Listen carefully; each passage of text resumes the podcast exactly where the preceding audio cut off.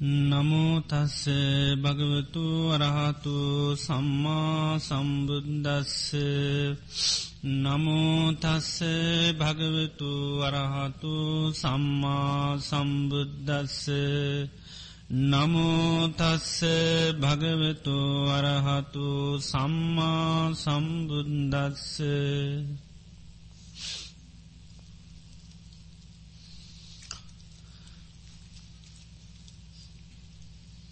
දයි මේ වෙලාව අපි ධර්ම සාකච්ඡා කරන්ටයි බලාපොරොත්තු වන්නේ. ඒ සඳහා පස්්න ඉදිරිපත් කරලා තියෙනවා.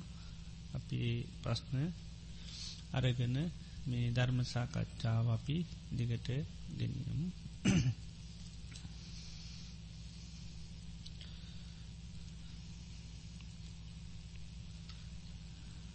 ගර්ණය ස්වාමීන් වහන්සේ අපගේ ඒකාය නරමුණ ප්‍රඥාව ඇතිකර ගැනීම නිසා විපස්සනා භාවනාව පමණක් වැඩීම ප්‍රමාණවද්ද කරුණාවෙන් පහදා දෙන්න කෙල්.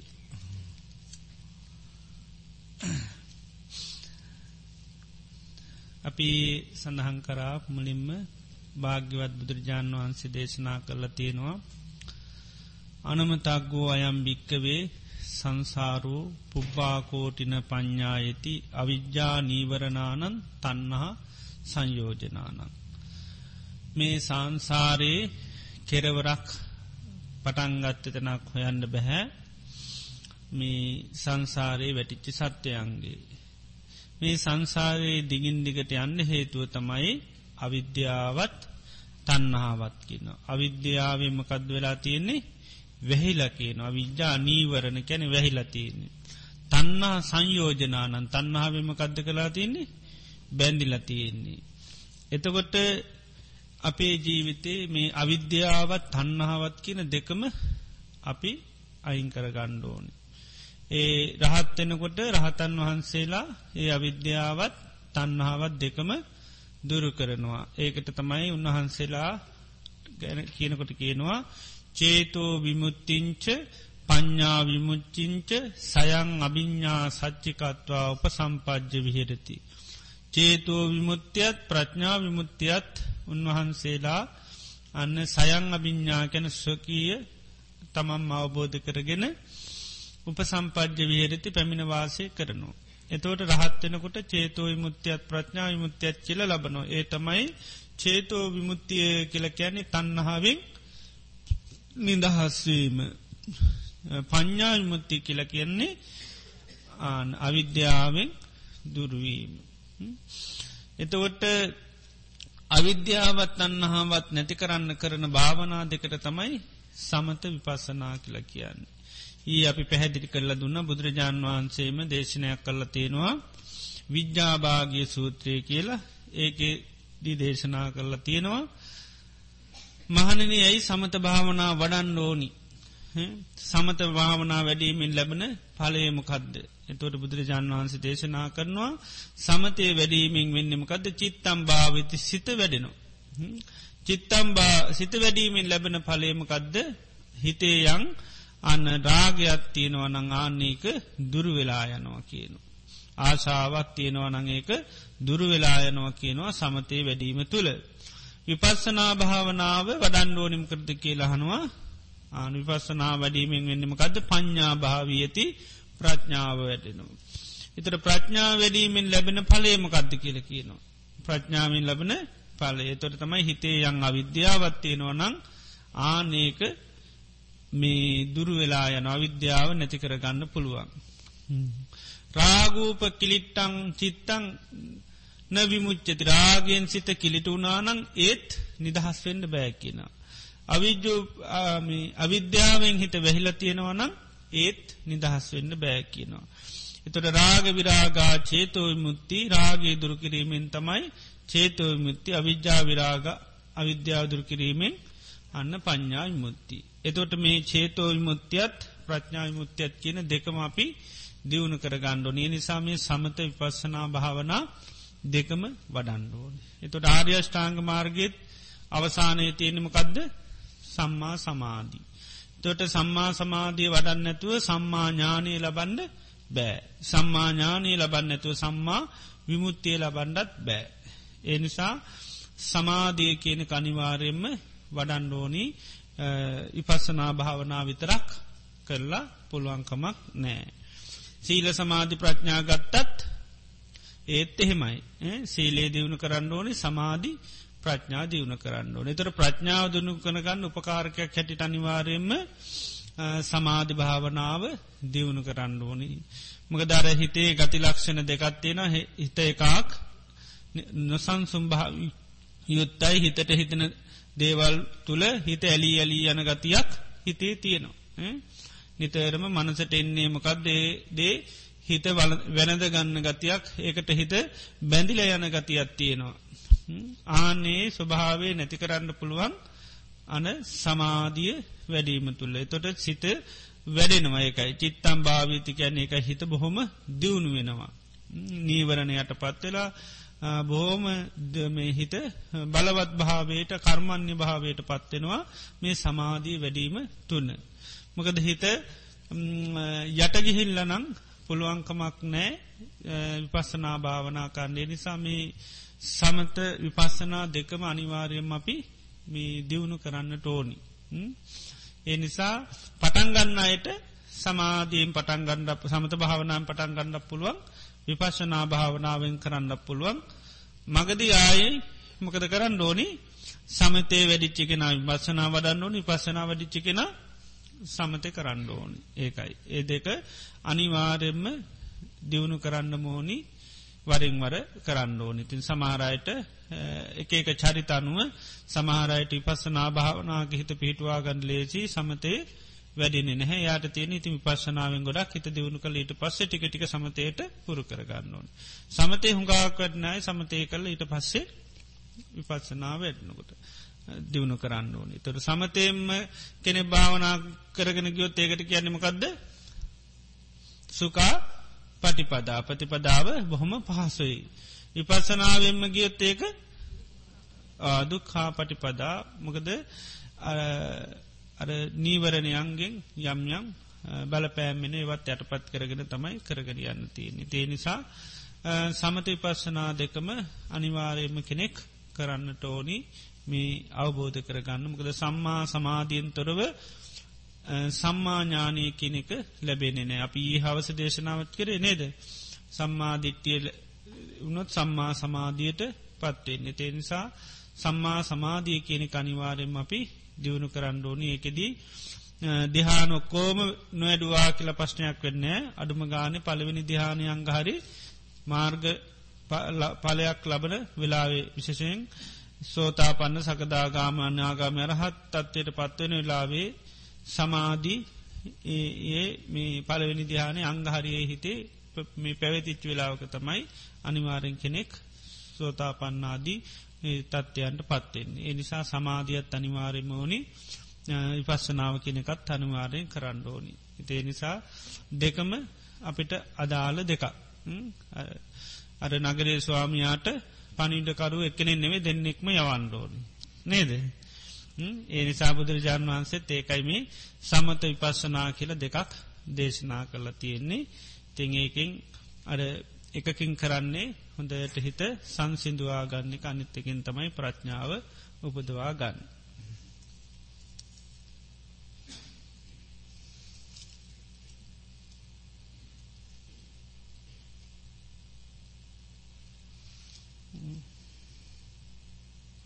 ස්වාමීන් වහන්සේ හඟක් කිවස් සක්මම් භාවනාසා විදර්ශනා සමත භාවනා සහ විදර්ශනා භාවනා ගැන ඒවායේ වෙනස හැම සැමටම එකම හරි නැති බව යනාදිය. කරුණාකර සමත භාවනා කරන්නේ කෙසේ දහා විදර්ශනා භාවනා කරන්නේ කෙසේද කියා පැහැදිලි කර දෙනමින් ඉල්ලා සිටිමි.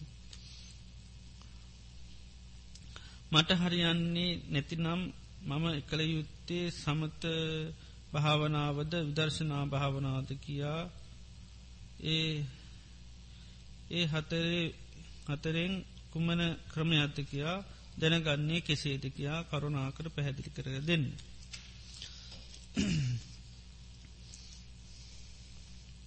එතොට අපි දැන් කතාකරප මාතුකාමයි එතට මේ සමත විපර්ශනා භාවනා දෙකම අනිවාරයෙන්ම අපි කරන්නට ඕනිතින් සමත භාවනාව කියල කියන්නේ සිත එකඟ කර ගන්නා භාවනාවට. දැන් සාමාන්‍ය අපේ ස්තියනවානේ සමත මණ්ඩල කියලා. දන්නවාද? ආරවුල් වෙච්චා නිරවුල් කරන තැන්වලට කැනමකක්ද. සමත මණ්ඩල කියලා කියන. සමත මණ්ඩලට දැම්මහම ටිකක් එකට එක අරමුණකට ගණ්ඩ පුළුවන් කට්ටියව නේද. වෙන වෙනම වාද විවාද කරගත්තේ අය ඒක තැනකට ගෙනල්ලා එක මත ඒකට ගන්නවා. නේද ඒකට කියන්නමකද සමත මණ්ඩල. ඒ වගේ තමයි ඒ පාලි වචනයක් තමයි අරගෙන තියන අපි සමත මණ්ඩලෙට. ඒ වගේ සිත විසිරිච්චි සිත විවිධරමුණු කරාදුවන හිත එක අරමුණකට එක දේකට හුරු කරගන්නවා. ඒක තමයි සමත භාවනාවෙන් කරන්නේ. බුදුරජාණන් වහන්සේ දේශනා කරනවා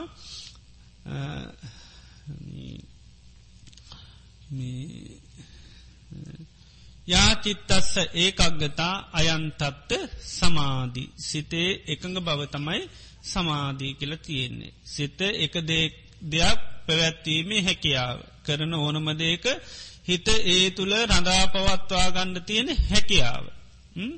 එතොට සමාධී දෙකත්තියනවා. අහල තියනවාද. මිච්චා සමාධි සහ සම්මා සමාධි ද මිච්චා සමාධි තියෙනවද නැත්ද. තියෙනවා. නේද? පස්්නහ මිතනකොට ජානගත වෙනවාගෙන කවුරුත් ඇවිල්ලා කතා කරත් තේරවාද ඇඟ හොල්ලන්ඩුවන සමාරලාට නේද? එත ඩහන කොහෙද ගිය කියලා නේද අපි? ඒමකද හිත එක් තැන්ගෙනවා මොකදේ ඒ එක දෙයක් ඒ වගේ දේවල් අපේ හිතේ පුරුදු කරල කරලමක දෙලා තියන්නේ? හිතට ඒක හුරු වෙලා. එතවට දැම් පස්න හිතනකොට භාවනාවට වගේ ඉඳගත්තා මර ගොඩ දේවල් මතක්කෙනවාද. බාධයනවාද සිතීලිය විල්ලයි හිතන එක බාධා කරනවාද. දැම් මොනහරි පස්නයක් ගැන හිත හිත හිත ඒකම ගැන හිත හිත නොද වෙන වැවිලනිකම් බාධ කරනවා දේකට. නෑ. නේ දේක ඕන තරම් පෑභාගයක් දෙකක් වුණත් හිතන්න පුළුවන්. නේද. ඒමක දැර ඒදේ කිරීමේ හැකියාව එක එකක් කරන්න හිත හුරු වෙලා තියෙනවා. ඒක තියෙන්නෙමකේට දකුසලේට විතරයි. කුසලේට ආපුගාමකද වෙන්නේ. ඒ එකඟ බව නැහැ. කුසලේදී එහෙම හිත එකඟ වෙන්නේ නැහැ. අන්න කුසලේටත් අපේ හිත එක දේකට හුරු කරගන්න එක තමයි සමාධී තුළින් කරන්න. සමාධී තුළින් කරන්නේ එකයි ඒ හිත එකඟ වුණාම අන්න මේ ඒ අවස්ථාවල්වලට කියන සමාධිහු ගාද වුණාම එකට කැනමකක්ද ජාන කියලා. පලවෙනි දෙවෙනි තුන්වෙනි හතරවෙනි කියලා ජාන හතරත්තියනවා. ඒක රූපාරූප අරූප කියලා කොටස් දෙකට පේනවා. රූපාරමුණු ඉදිරිපත් කරන කරන භාවනට රූපාවචර කියනවා. රූප අරමුණු අයින් කරලා අරූපී ධර්ම අරගෙන භාවනා කරන එකට කියන්නේ අරූපාවචර භාවනා කියලා. ඒ ඔක්කොම සමත භාවනාවලට අයිතිේවා ඒ ඔක්කෝගෙම හිත හොඳටම අන්න දියුණු වෙනවා. එතොට ඒ රූපාරූප ධ්‍යාන හොඳටම දියුණු කරපු කෙනාට හිතින් ගොඩ වැඩ කරන්න පුළුවන්. හිත හිතින් හිතා බල සම්පන්න දේවල් කරන්න පුළන්ගේවට මොනෝද කියන්නේ. ඉරදී ඉර්දි පාතිහාර පාන්ද ඒ දේ විශාල වැඩ කරන්න පුළුවන් තත්වට හිත දියුණු වෙනවා. එතවට ඒ ඔක්කො මේකයි හිත වඩනවා කියන්නේ ඒකයි සමාධී තුළින් හිත වඩනවා කියන්නේ එක හිතින් ගොඩාක් දේවල් කරන්න පුළුවන් හැකියාවල් ඇති කරගන්නවා හැබැයි එපමණකින්ම හිතේ ප්‍රඥාව තීරව කියලා කියන්න පුළුවන්ද බෑ දැන් දේවදත්ත ස්වාමීන් වහන්සේත් සමාධිය වඩලා අට්ට සමාපත්ති දක්වාම හිත දියුණු කරගත්තා. හිත අට්ට සමාපත්ති දක්වා දියුණු කරගත්තා ඊට පස් සිද්ධිපාතිහාරය පාන්නත් පුළුවන්තත්වට පත් වනා. ඉදිපාතිහාරය පාන්නත් පුළුවන් වුණා. අජාතත්වක මාරයා පහදුවගත්තමකෙන්ද. එය ඉද්ධිපාතිහාරය පාලා. කාම්බරේටම ගියා. ඉරිදියෙන් කාමරයට ගියා ගේ මුළු සරීරේම නයි සරපයක් මවාගෙන ගිය ඔළුවෙත් එක සර්පය එයා දන්නේ මේ දෂ්ට කරන්නාව කියලා නේද? සර්පය සර්පයෝ ටිකම් මවාගෙන තමයි කාමරය ඇතුළට ගිය. තොර අජාතත්ක මාරයමක දුන්නේ බය වුණා. බයනකොටමක වහා බයවෙන්ඩ පමම දේවදත් හාමුදුරුව කියලා. ඊට පස්සේ අනේ ස්වාමීණි පොකෘති තත්වයට පත්තෙන්ට කියලා කිව්වා. ඊට පස්සේ අන්න උන්වහන්සේ විශ්වවේශයට පත්වන ඊට පස්සමක දුනේ ගොඩාක් පැහැදුනා. ගොඩාක්ම පැහැදුනා. ඊට පස්සේ ඉතිං හිතවත්කම පවත්තගෙන ගිය ඊට පස්ස තමයි අනිත් දේවල් ඔක්කම උනේ තිං උන්වහන්සේගේ අර බුදුරජාණන් වහන්සේ නැති කරන්න ඕනි සංග බේද කරන්න ඕනි කියන සිති විලේනකොටම මක දුනේ අර මේ ඉද්දි පාතියාර පාන පුළුවන් හැකි දිහානවලින් පිරිහුණා. ජානවලට පත්තු නම් පස්සේ ආය පරණ තත්වම තමයි. ඉතිං ඒවගේ මේ සමාධිය දියුණු කරලා විවිධ විදිහේ හැකියාවල් පුද්ගලයන්ට කරන්න පුළුවන් නමුත් සමාධිය කියන්නේ දිගට පවතන එකක් නෙව ඉක්මනින්ම වෙනස් වෙනවා. ඉක්මනින්ම වෙනස් වෙනවා විපස්සනා කරලා තිබුණ නැතුනොත් සමාධිය තිබූ පමණින්ම වැඩක් නැහැ. ඉස්සර කතා ගොඩක් අහලඇති සමාධි විතරත් වඩලා සමානලාට ඒක ඉක්මනින්ම පිරිහිලා යන. පිරිවුණට පස්ස අර සාමාන්‍ය තත්තරත් වැඩිය සමල්ලාට හිත වැටෙනවා.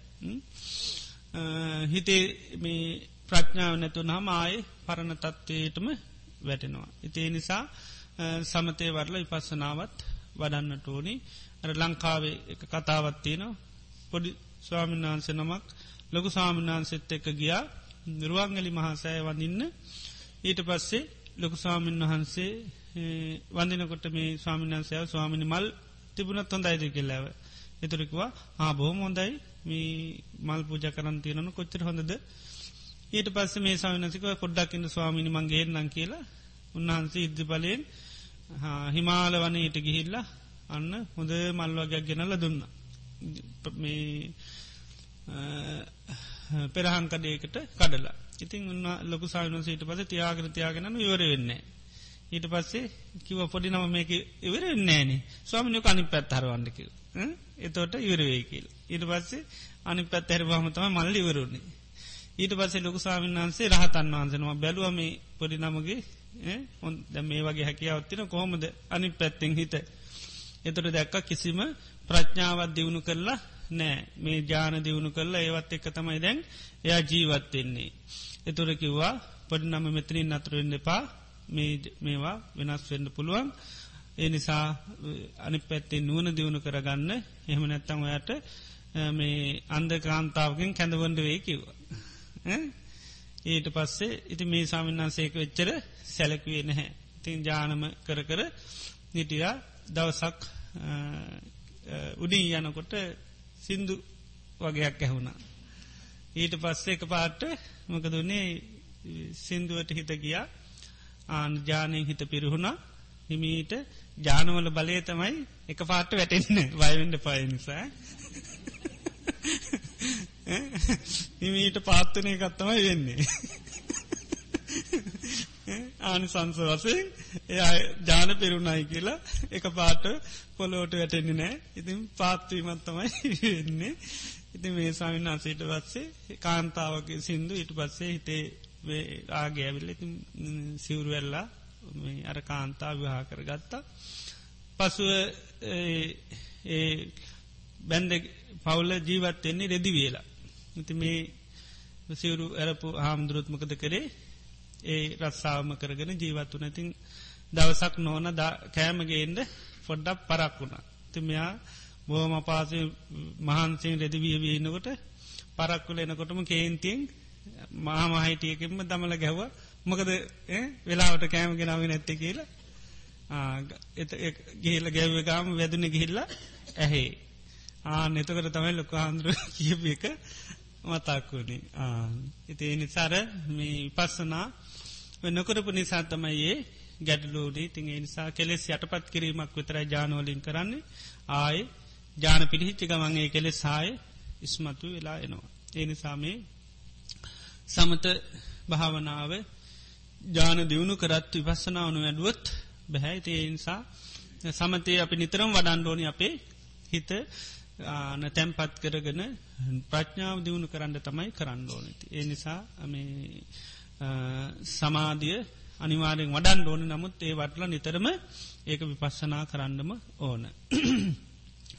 එතකොට තමයි නිසි ප්‍රතිපාක පල විඳින්න තියෙන්නේ නිසා සමත භාවනාවත් කරනවා වගේම ඊට පස්ස විපස්සනාවට හැරෙන්ඩෝනි තින් සමතය රඳා පවත්තන්න නම් ජානගත්තොත් ඒවා හරියටම පිහිටන්නේ අනාගාමි උනහම අනාගාමි උනහම තමයි පිහිටන්නේ. සෝතා පන්න වනත් මත්ත සෝසාධ කැන එත්තර අපමානයකට සමාධී තියන්නේ. සීලේ තියන සමාධී සකදාගාමුනාමත් එහෙමයි. අනාගාමන හම තමයි සීලේසු පාරිපූරී සීලේ සම්පූර්ණයි. සමාධිස්මින් පාරිපූරී සමාධියත් පරිපූර්ණයි. අඩුමකදද ප්‍රඥාවතම් විතරයි අඩු. පඤ්ඥාය මත්ත සෝකාරයකන ප්‍රඥාව එත්තරා ප්‍රමාණයකට තමයි තියෙන්නේ. ඉතිං ඒ නිසා අපි ජාන දියුණු කරත් අපිට අනිවාරයෙන්ම මේ ඒක හොඳට දිගට පවත්වන්න නම් අනාගාමි තත්ති තියෙන්ඩෝනි. තේනිසා සාමාන්‍ය කාල පරිච්චේද අපට තියෙන්නේ සමතේ ටිකක් වඩලා ඊට පස්සේ පුළුවන් තරම් විපස්සනාවට හිත දියුණු කරන්න. විපශනා භාවනාවෙන් අපි කරන්නමකදද ආන ප්‍රඥාව අවිධිමත් කරන්න විශේෂයෙන් හිතේ තියෙන අවිද්‍යාව නැති කරගන්න. අවිද්‍යාව කියලා කියන්නමකදද ඕ නොදැනීම දුක්කේ අඥ්ඥානං කියලා කියෙන දුක පිළිබඳව නොදන්නාකම. දුක්ක සමුදයේ අඥ්ඥාන දුක හටගන්න හේතුව නොදන්නාකම. දුක්ක නිරෝධේ අඥ්ඥාන දුක නැති කරන්නාව ක්‍රමේ නැති කරන්න පුළුවන් කියලා නොදන්නාක දුක් නිරෝධ ගාමනී පටිපදා අඥානන් දුක් නැති කරන්නාව ක්‍රමය පිළිබඳව නොදන්නාකම. එක තමයි අවිද්‍යාව කියලා කියන්න. එතර ප්‍රඥාව පහල වෙන්න පහළ වෙන්න හිතේ තියෙන අවිද්‍යාව නැතිවෙලා නැති විපශනා භාවනාවෙන් කරන්නමකද ප්‍රඥාව දියුණු කරන එක. ප්‍රඥාව දියුණු කරන එක අපිට නිතරම ලෝකයේ දේවල් පේන්නේ නිත්‍යය දේවල් හැටියට. ඊළඟට ඒව සැප හැටියට ඒවගේ මේවා මමේමාගේ මට අයිතිී කියන ආත්මයක් හැටියට. එතට විපසනා භාවනාවෙන් කරන්න අනිත්‍යදේ අනිත්‍ය හැටියට දකින්න අන්න දියුණු කරන. ඊළඟට දුක්දේ දුකක් හැටියට අනාත්මදේ අනාත්ම දෙයක් හැටියට දකින්න අන්න අපි මනස පුරුදු කරනවා. තොට විපස්සනා භාවනා සම්පූර්ණ කරන තියනීම කත්තුලද යෝනිසෝ මනසිකාරය තුළ. යෝනිසෝ මනසිකාරය කියලත් කියන්නේ යමක තියෙන සත්‍යය මතු කරලගන්න. ඇත්ත ස්වභාවේ. ඇත්ත ස්වභාවය අපි වර්තමාන කරලා බලන එකටතම යෝනිසෝ මනසිකාරය කියල කියන්න. සත්‍යය මේ මොහොතේ අපි ඒක ඇත්ත ස්වභාව විකාශන කරන තොට අපිට සත්‍යය පේනවද නැද්ද පේනවා. එතුර යෝනිසෝ මනසිකාරය තුළ තමයි අවශ්‍ය සියලූම ගුණාංග අපිට පෝෂණය වෙලාවෙන්නේ.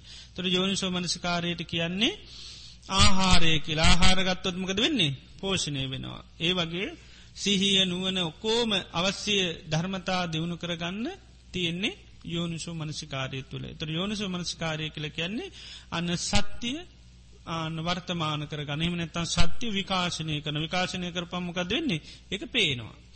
දැන් අපිට හැමවෙලේ අපි කරන්නමකක්ද අසත්‍යය විකාශනය කර ගන්න එකටම කද කියන්නේ අයෝනිසෝ මනසිකාරයේ ඒ තුළ තමයි අර අනිත්‍ය දේවල් නිත්ති හැටියට පේනවා. දුක සැප හැටියට පේන. අයිති නැති දේවල් අන්න අයිති දේවල් හැටියට පේනවා. ඒකයි.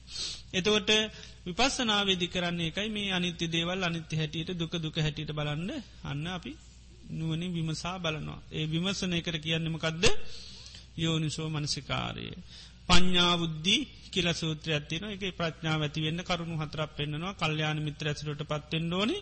සද්ධර්මංශ වනය කරන්න ඕනි. යෝනිසු මනසිකාරය හා දම්මානු දම් ප්‍රතිපදාව.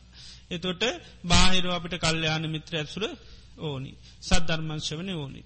දැ විපස්සනා භාවනාව හැම කාලෙම ලෝක මිනිසුන්ට කරන්න පුළුවන්ද බයිද? පුළුවන් බුදු කෙනෙ පහළුනාම් පමණ විපශ්චනා භාවනා කරන්න පුළන් සමත භාවනාව ඕනම කාලෙක ලෝකෙ කරන්න පුළන් ලෝක හැමදාම තියෙන භාවනාව සමත භාවනාව. විපස්සනා භාවනාව බුදු කෙනෙක්ම පහළුවෙන්ඩුවන් බුදු කෙනෙක් පහළුනාම තමයි මේ අනිත්‍ය දුක්කනාත්ම කියන එක ලෝකයට පෙන්නල දෙන්නේ. එතර බුදුරන් වන්ස පහළුනා විතරද ලෝක අනිතු දුක්කනත්ම තියෙන්නේ. නෑ හැමදාම තියෙනවා නමුත් ඒකමකද වෙන්නේ. ආන ලෝකෙ වැහෙනවා මොකද ඒක ඉස්මතු කරලා ගන්නේ නැහැ. ඒ නිසාකින උපාදෝවා තතාගතු තතාගතයන් වහන්සේ ඉපදුනත් අනුපාදවා තතාගතු තතාගතයන් වහන්සේ නොයිපුදුනත් මේ ලෝකේ තියෙන ස්වභාව ඇත්තමයි මේ ඇත්ත කියන එක. නමුත් ලෝකයේ වැහෙනවා තතාගතයන් වහන්සේ නම තමයි ඒක අවබෝධ කරගෙන තම් පස්සත මේක බලන්න කියලා කියන්න. ද බුදු කෙනෙ පහළු නාම තමයි ඒක අන්න ලෝකයාට ආයමත් බලන තත්ත්වයට කතා කරන්න. එතොට ඒකයි ඉපස්සන ප්‍රඥාව දියුණු කරගන්න නං අන්න අන්න කල්්‍යාන මිත්‍ර ඇසුරු තියෙන් ඕනි. තතාගතයන් වහන්සේ හෝ තතාගතයන් වහන්සේගේ ධර්මය කියන පිරිස් අපිට මුණ ගැහෙන් ඕනි කල්්‍යාන මිත්‍ර ඇසුර. ඊට පස්සේ තතාගත ධර්මය ඇහෙන් ඕනි. එතට ඒ ධර්මය තුළින් තමයි අපි අනිත්‍ය වසයෙන් දුක් වසයෙන් අනාත්ම වසේ බලන පැති කියල දෙන්නේ. ආනේ බලන්න බලන්න බලන්න බලන්නමකද වෙන්නේ. අන්න අපිට ප්‍රඥා ඇති කරගන්න පුළන් ඒ බල යොනු සමන්ස්කාරය දෙමින් අපි ධර්මානු දම්පති පදාව යෙදෙනවා. එතකොට අපිට හැකියාව තියෙනවා.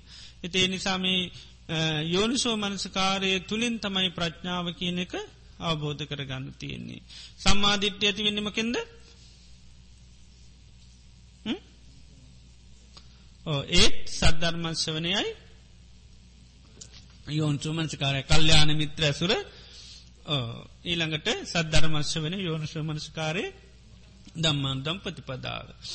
එතොට ඒ හැම තැනදී මෙහෙමයි යෝනිසෝ මනසිකාරය තුළ තමයි ඒව ඇතිවෙන්නේ. සිහනුවන දියුණුවෙන්ට ඒත්ම කත කරන්න ඕන. ඒත් යෝනිසෝ මනසිකාරය. තර යෝනිසෝ මනසිකාරය පැවැත්වීම තමයි විපශ්නාව කියලා කියන්නේ. නිතරම යථාර්ථය අපි මොකද කරන්න වර්තමාන කරනු. යමක ආදීනු අපි මේ මොහොතේ සිහිකරොත් පේනෙමකක්ද. ඒ ආදීනු තුළෙක් අනිත්‍යතාව අපිට වැටවේවි. එහම නැත්තම් ඒක දුකක් හැටියට අවබෝධයවි. එහම නැත්තං ඒක අයිති නැති දෙයක් හැටියට අවබෝධ වේවී. ඒත් එතොට විපස්සනාවතුළින් ඒකයි කරන්නේ අපි අර අනිත්‍ය දුක්කනාත්ම බලන්ඩ මෙකන. තේ නිසා යොනු සෝමනසිකාරය තුළ තමයි විපස්සනාව අපිට කරන්න තියෙන්නේ. ඉතින් පුළුවන්තරන් ජීවිතේ සාමාන්‍ය ඉන්න හැම වෙලාවේම විපශනා භාවනාව කරන්න පුළුවන්. මකද හැම දෙයක් පිළිබඳව අපි අනවබෝධය කියනකයි තියෙන්. ඒ අනබෝධයට පත්වල තියෙන හේතුව තමයි නොකරපු නිසා. ලෝකේ හැමදේකම කරුණු දෙකත්තියනවා. ඒ තමයි ආස්වාද සහ ආදීනුව. දැන් අපි දේවල්ලට ඇලුම් කරන්නේයේ ආස්වාද වසයෙන් බලපු නිසා. දැම් බලන්න තියෙනීමකක්ද ආදීනව ඒකයි. දැන් මේ ආදීනුව බැලීම තුළ තමයි අපිටන්න අපේ ප්‍රඥාව අවධිමත් කරල දෙන්න. එතොට අර සාමාන්‍ය දේවල් වල ආස්වාධීත් විතරයි අපිට පේනේ ආදීනුව පේන්නේ නැහැ. සිතට සිතිවිල්ලක් ගත්තොත් ඒ ආස්වාදී විතරයි ආදීනුව පේන්නේ නෑ. ඉති ආදීනුව නැවත නැවත නැවත බැලීම තමයි අන්න විපශනා භාවනාවෙන් කරන්න ආදීනුවම බලන. ආදීනුව බලන්න බලන්නමකද වෙන්නේ. ඊට පස්ස ආදීනුව පේනු ආනෙකයි. විපස්සනාව කියන්නේ පස්සනා කියන්න එක බලන. ආදීනුව බලන තත්වට හිත පුරුදු කරපුහම් පේනෙමකක්ද ආදීනුව පේනවා. ඒකයි. එනිසා ආදීනෝ බලන්නමකද කරන්න ඕනි. ආදීනව විකාශනය කරන්න ඕනි. විකාශනය කරොත්නේ දෙයක් පේන්නේ. එහු නැතු පේනවද. කෙනෙකුගේ වරදක් බලන්න ඕනි මොකද කරන්න ඕනි. නිකම් පේයිද වරදා. මොකද කරන්නඩු වරද වර්තමාන කරගන්න ඕනේද. අපෝ ඇටි හිතේ නේද එතකට මොකද වෙන්නේ. ඒක පේනවද නැද්ද. පේනවා ආන්නේකයි. ඒකෙන් මොකද වෙන්නේ. හිතේ යන්න දේශයක් ඇතිවෙන්න පුළුවන් පාවීමක් වෙන්න පුළුවන් අපිරියක් ඇතිවෙන්න පුළුවන් ඒ ඇතිවෙන්න මොකක්ද කරන්න ඕනි. අර අගුණය වර්තමාන කරගන්නු දැම් මේ වෙලා කෙලෙස් ඇති කරගන්න මොකද කරන්න ඕනි. කේන්තයක් ඇති කරගන්න මොකද වර්තමාන කරගන්න ඕනි. පටික නිමිත්තක් වර්තමාන කරගන්න පරවන සිද්ධියක් මතක් කරගන්න එතර ගේන්තිනවද නැද්ද. ඒනවා. නේද. ඒකට තමයි යෝනිසෝ මනසිකාරය කියල කියන්නේ. අසත්‍යය අපි මොකද කරගන්නේ? වර්තමාන කරගන්නවා. විකාශනය කරගන්න විකාශනය කරනකොට මොකද වෙන්නේ? පේනවා. ආන එතකට පේනකොට මොකද හිතට වෙන්නේ?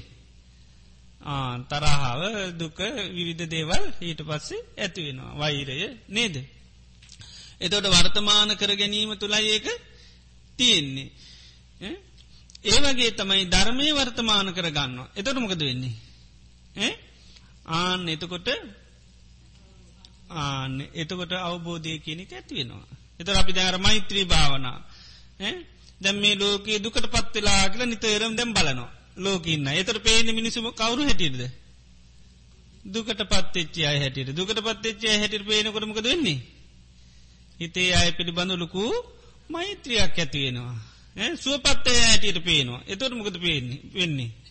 ආසුවපත්නං අපිටත් මන හරි උදව්වක් උපකාරයක් නේද දෙන්ඩෝනි එතවට බලාපොරොත්තු වෙන නේද? හොඳයි ඉන්න නිසායි අය අපිටත් යමත් කරන්නඩෝනි දෙන්ඩෝනි සලකණ්ඩෝනි අගේ අන්ඩෝනි ආන ඉතින් ඒ විදියට තම ඊට පස්ස පේන්නේ නේද? ඒට පස්සමකද වෙන්නේ? ඒක බලාපොරොත්තුවයනවා දැ මේ විදියට බලන්න ගයොත්මකද වෙන්නේ? දුකට පත් එච්චි පිරිසක් ඉතින් දුකට පත් එච්චායෙන් පිරිසන්න බලාපොරොත්තුවෙන පුලන්ද බෑ. ආන්නේක එතොට ලෝකීන් පිරිසරණ බලාපොරොත්තුවෙන නෑ නොලබුණයි කියල පස්්නය ඇදතොට නෑ එතොට අන්න අනිත් අයාගේ ආවි සලකාවි තේරුම් ගනීවි නේද? ඒවා වෙන්නේ නැහැ.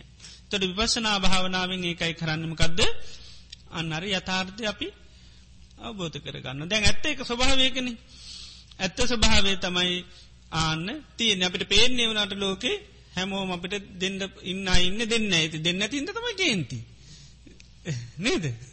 තියද්දි දෙන්න එතොට කේන්තියන එක සාධාරණයි නේද? සල්ලි තියද්දි දෙන්න එතොට මොක දෙන්නේ නැත්ලං පස්නය නෑන අපිකන යාට නැතින්ද යනන් දෙන්න නේද?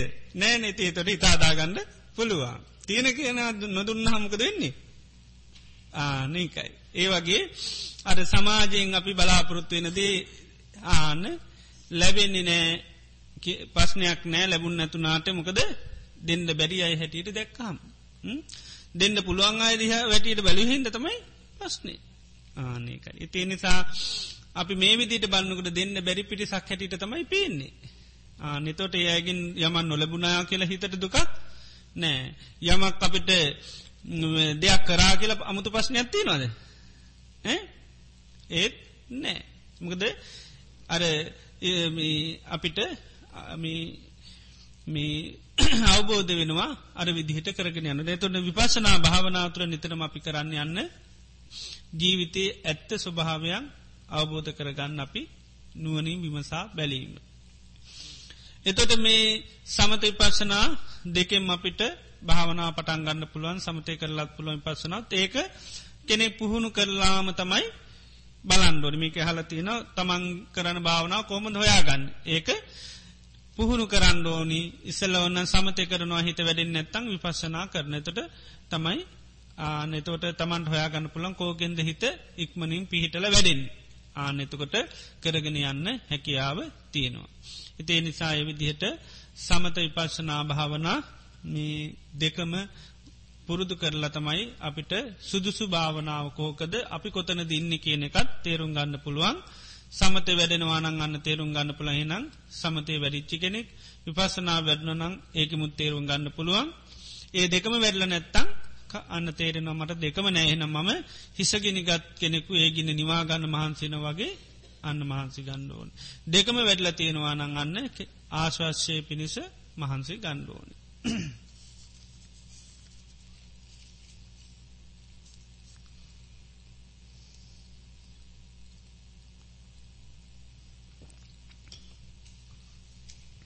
භාවනාව සඳහා සුදුසු පාරිසරික තත්ත්වය පැහැදිරි කර දෙන්න.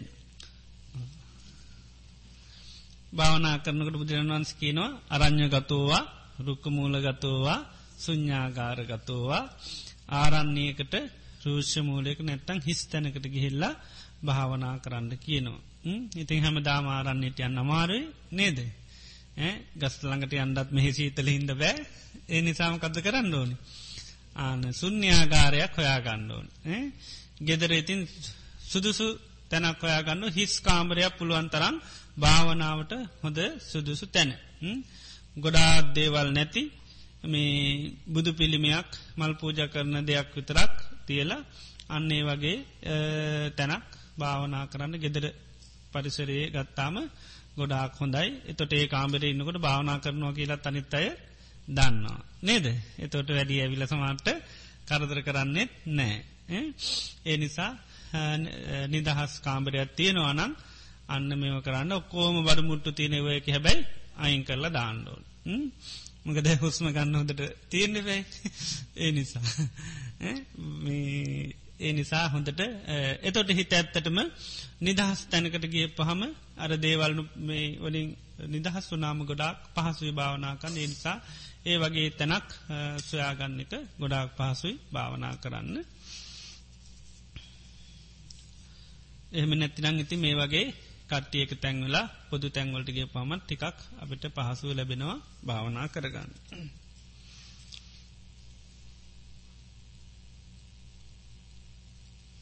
ආනාපාන සති භාවනා කරගෙනයාමේදී හුස්ම ඉහළ පහළ බැලීමට යාමේදී මා විසින් හුස්ම පාලනය වීමකි දැනේ.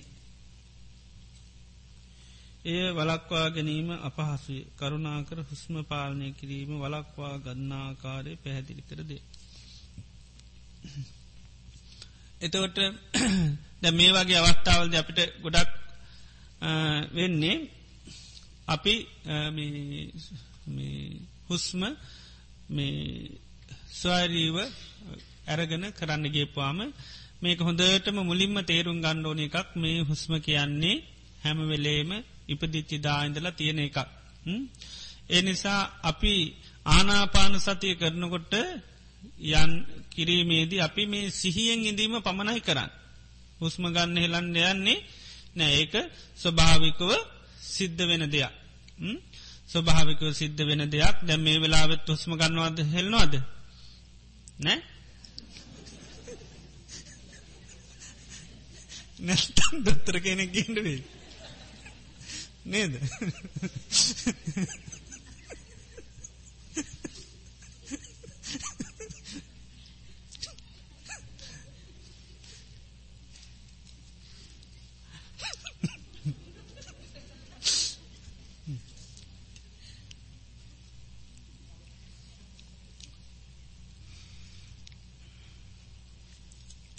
එතකොට මේ අර ස්වභාවිකව එන මේ ඇතුල්ලෙන පිටුවෙන හුස්ම පිළිබඳව සිහිංගිරීමයි ආනාපාන සති කරන්න. ඒක කල් ඇතුවම හොඳට සිහපදවා ගණ්ඩෝනි භාවනා කරන්න ඉස්සල්ලේ වගේ ගැටලුවත් තියෙන කෙනෙක්.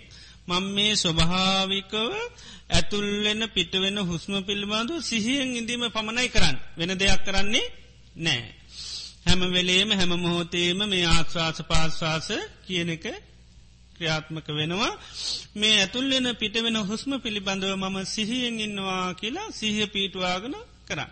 එතෝට අමුතුවෙන් පාලනය කරන්න යන්න දෙයක් නැහැ. ස්වභාවික වෙන දෙයක් පිළිබඳව පිටතින් ඉඳගෙන බලාගෙනන්නවා වගේ. එතකොට අපිකමු අර ඉස්සර පර නොල්ලෝසු තියනෙ කර බට්ට තියනොන ඒක දෙපැත්තට ආනුවෙන් අපි දැන් ඕක දිහා කෙනෙකුට බලානින්ට කියන. එතකොට එයා කරන දෙයන්නවෙනි නේ දේක හැම වෙලේම වෙන දෙයක් ඒ පිළිබඳව පොඩ්ඩක් එයා බලාන ඉන්නකි නතකොට යාට පේන ඔන්න බට්ට හෙට්ටයනවා මේට්ටයනවා සමාරලාට ඔන්න වේගේ පැත්දෙනවා සමාල්ලට පොඩ්ඩක් ඒවිතිට වෙනස දලාගන්න ඉන්න පුළුවන්.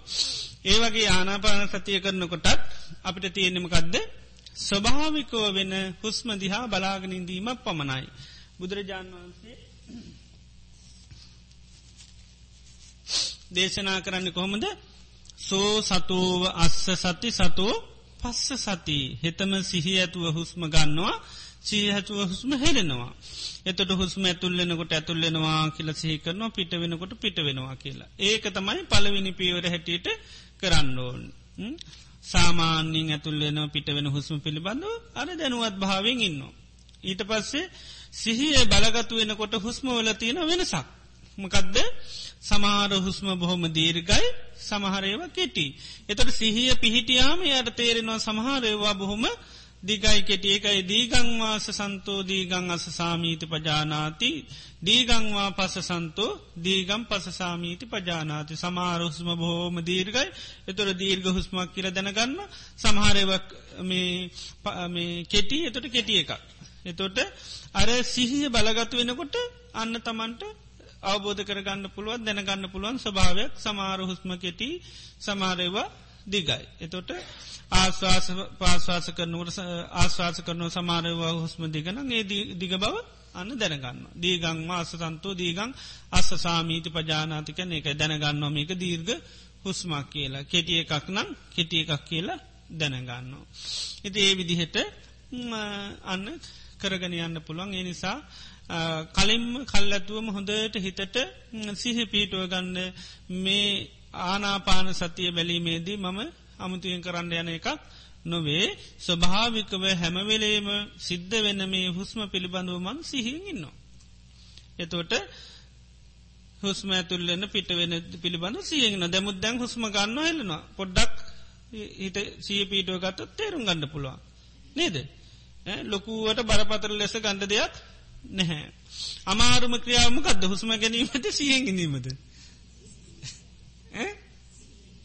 හුස්ම ගන්න දෙයන්න වෙන එකක් අමාරුදේම ගදද. සීයෙන්ගනීම දැන් අමාරුම කදද. සීහටත් ඇටීම ගද අමාරු. හුස්මල්ල ගන්න එක. නේද දැන් කට්ටේට අමාරු වැඩීම ගදද. හුස්මල්ලන එක. ඒ ඒ ඕ හුස්ම හොයන්ට ගිහින්ද තමයි පස්න වනේ කොහෙද හැපෙන්නේ කොහෙද වදින්නේ මොකක්ද හුස්ම තියෙන්නේ ඒවා හොයන්දගේ හින්ද තමයි දැ හුස්ම හල්ල ගන්න බැරි වෙලා තියෙන්නේ. ඒ නිසා අපිට තියෙන්නේ හුස්ම පාලනය කරන්න හුස්ම වදින තැන් හොයන්ටනුවේ මොකක්ද ආන්න ඇතුල්ලෙන හුස්ම පිළිබඳව දැනුවත් භාවයක් ඇති කරගන්න. මකද හුස්ම කියන එක හැම වෙලේම වෙන ක්‍රියාවලියක්. ඉතින් සිහිය නැති හින්දා ඒ ස්වභාවය පිළිබඳව දැනගන්න බැහැ ආනෙක ඒ නිසා සිහිය බලගතු වෙනකොට ඒක ආන දියුණු කරගන්න පුළුවන්කම ලැබෙනවා. තේ නිසා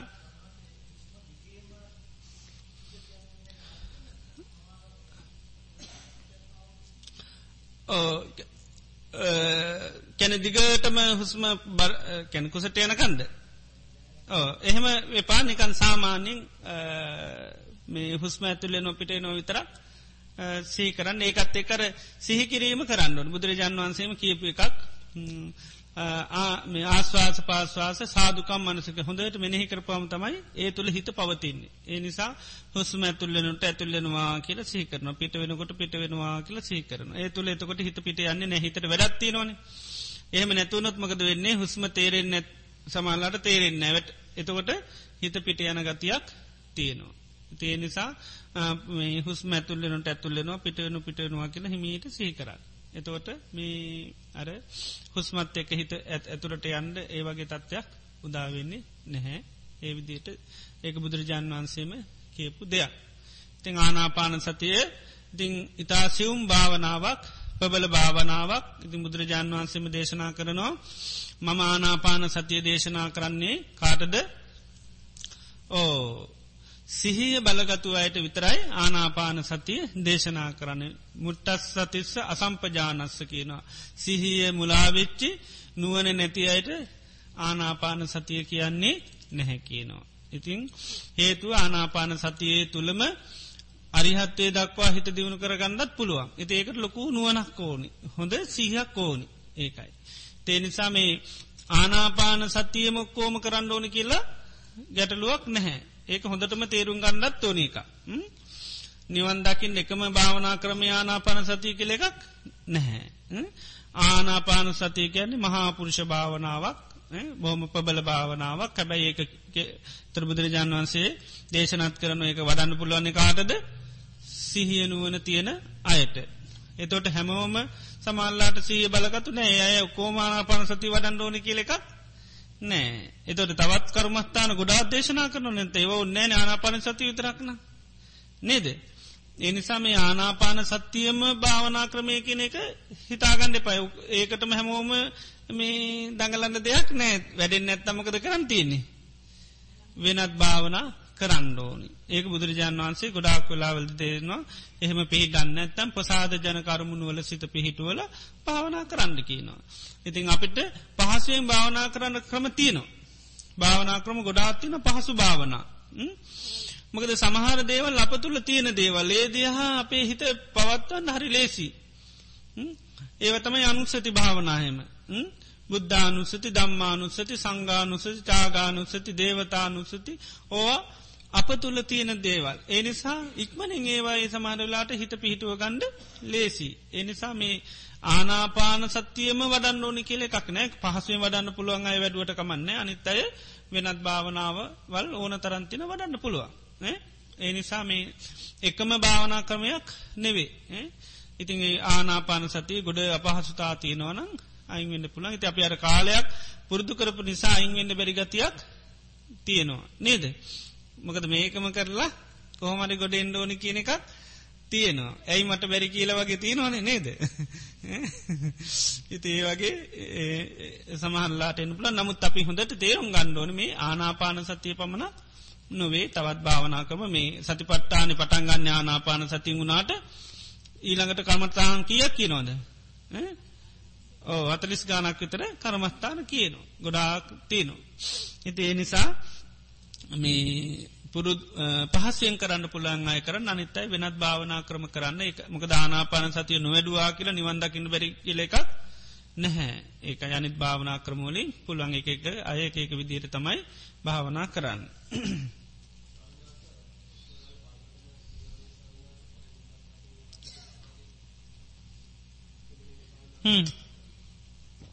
ඔව්.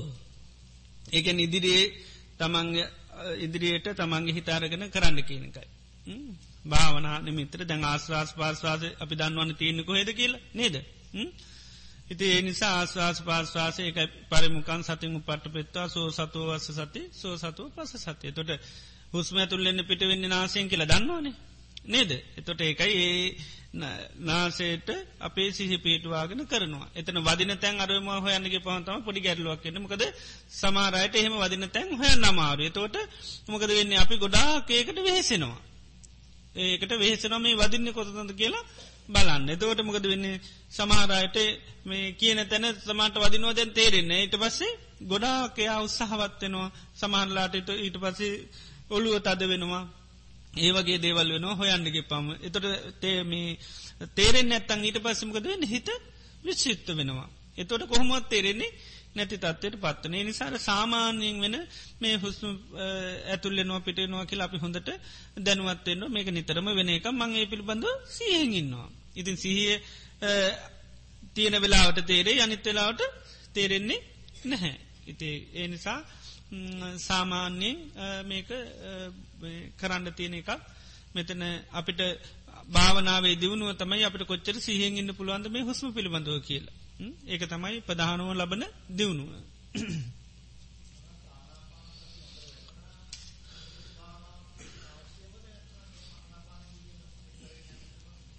ඒක ප්‍රශ්නයක් නැහැ මේ නමුත් අනෙත් භාවනත් වරින්වර තිං කරන තියෙනක හොඳයි. මොකද ඉන්ද්‍රිය ධර්මයන් සමාරලාට අඩු වැඩි වෙනකොට අනිත් භාවනා දියුණු කරපුවාම ඒ ඉන්ද්‍රිය මේක අපිට වඩාගන්න හරි පහසු වෙනවා. ඉතිේ නිසා අනිත්තේවත් වටලා තියන්නෝට මකද සමාර දැන් මෛත්‍රිය වගේ දේවල් අර දේශයක් හිතරාපම හරි පහස්සේ මෛත්‍රිය තියෙනවන ඒ අයින් කරගන්න. දැමක දානාපාන සතියට සමාරලාට එන්න බෑතකොට. විතර්ක වෙන්නේම ව්‍යාපාද විතර්කය නම් සමරලාට අමාරුවෙන්ට පුළන් ඒවගේ වෙලාට ව්‍යාපාදය අයිංකර ගන්න පුළුවන් මෛත්‍රී චිත්තය කියනක හොඳට දියුණු කරලා තියෙනවන. දේශය හටගන්න අර පටික නිමිත්තයි අයෝනුස මනසකාරය. ඉළඟට මෛත්‍රී චේතොවිමුත්තියත් අන්න යෝනිසු මනසකාරයත් තුළ තමයි පටිගේ කියනක අයින් කරන්න පුළ තොර මෛත්‍රී හොදට වැඩිච්ච කෙනෙකුට ඉක්මනින් ඒ තුළට හිට අන්න ඇත්මේ දැන් සබ්බේ සත්තා බවන්ත සුකි තත්තාගල යට සිහි කරනකොට මන්න ඒක අර්ථය හොඳට යදන්න ඕන ඒකත් එක යාගේ පටිකේ කියනෙක ඉක්මනින් අයිකරගන්න පුළුව. එනිසා මේ අනික් භාවනාවලුත් පුහුණු වෙලා තියෙනක වටිනොයිති. ඕ අසුභ භාවනාව ඒ වගේ ඒවා. ඉති බුදුරජාණන්ස කාලෙත් ස්වාමිනාන්ස ලව වරින්වර කරලතින දැරාවුලු සාමිනාන්සටත් ආනාපාන සති අහ ඇහුවට කියන්නේ වෙනත් භාවනා හතරක් කියල අන්තිමට ආනාපාන සති දේශනා කරන. සමාධි භාවනාව තුළින් ප්‍රථම දිහානයට ගිය හැකිද? එවිට යටගිය ආත්මයන් දැකිය හැකිද.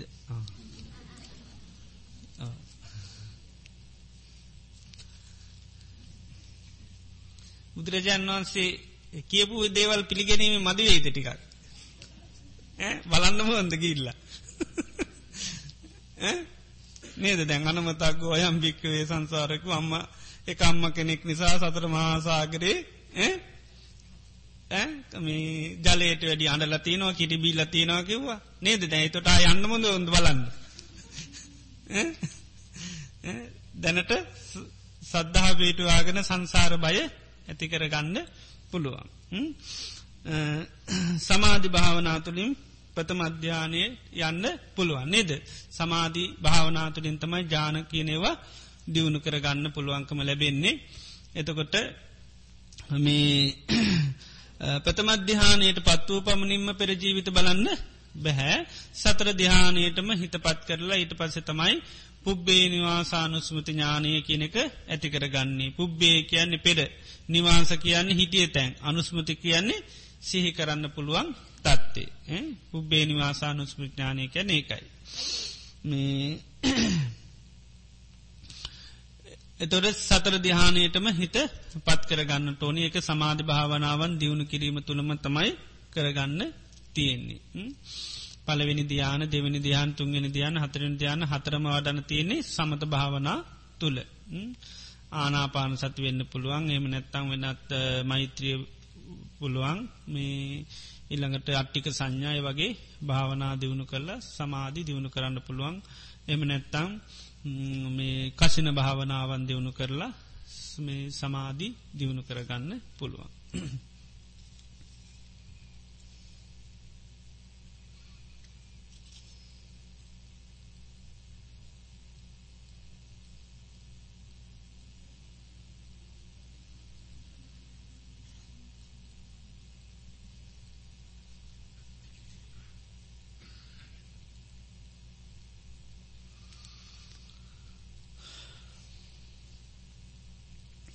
භාවනාවේ යෙදී සිටින වේලාවේදී සමහරආගමක ගීතද රාගාදී ගීතද යම් කිසි නොසංසුන්තාවයක් සිති ඇතිවුණු බව දැනුණා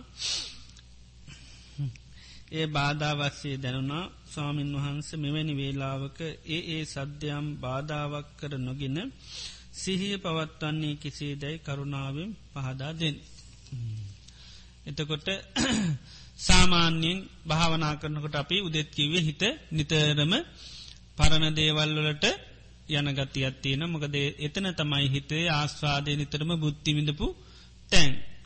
මේ හිත බුද්ධිවින්දේ මොනුවන්ද ඒ පරණ දේවල් වලින්. ඒ නිසා සාමාන්‍යයෙන් හිත ඒ තැන්වලට යනවා. ඒ වෙලාවේදී සිහිය පිහිටුවාගෙන ඒ වගේ පරණ දේවල් මතක් වුණ හමතින සිහ පිටුව ගන්න. ඔන්න දෙම්මගේ හිත පිට ගියා. මේ වගේ දෙයක් කටගත මේකමකද කාමච්චන්දයක් නේද? කාමච්චන්දය කියන්නේ භාවනාවට බාධාවකේ. නිසා මේ මම මේ කාමච්චන්දයෙන් හිතයින් කරලා මම මේ කරන භාවනාවට හිත පිහිටුව ගන්නවා කියලා ඊළඟට තමන් කරන භාවනාවේ තින වටිනාකම සහිපත් කරල දීලා ආයමත් භාවනා කරන්නයි තිීන්. සිහිය පිහිටවා ගැනීම තමයි අපිට කරන්න තියෙන්නේ. අර හරකා අමතක වෙලායි මොකද කරන්නේ? ගොයන් කණ්ඩයනව තෝට මොකද කරන්නේ? සිහි කල්ල දෙනවා. හිතත් එහෙම තමයි. ආස්වාදය වින්ද තැනට තමයි යන්න කැමති. ආස්වාද වින්ද තැන්ට යන්න කැමති. ගියාට පස්සේ දැනුන නම් එතන දීමකක්ද කරන්තියන. සිහ පීටවාගෙන ආන එතනදි කලබල වෙන්න දෙයන්න අනේ මටයි මේ මං මෙච්චර වයස කියල සිින්දුවක් කොමතක් වුණේ කියල. නේද? ඒම වයවෙන්න දෙයක් නෑ. නෙද? ඒ හිතේ ස්වභාවේ ඒක ඒක ස්වභාව හැටි අඳුනකට ඒක හැබැයි ආදීනුව සිහි කල දෙන්නඩෝන මේකින් කිසි හරයක් සාරයක් ඇති දෙයක් නොවේ සංසාරය කොච්චර සිින්දු සීකරාද නේද? ඒ නිසා මේකෙන් මට හරයක් සාරයක් කෙනෙ නෑ මම.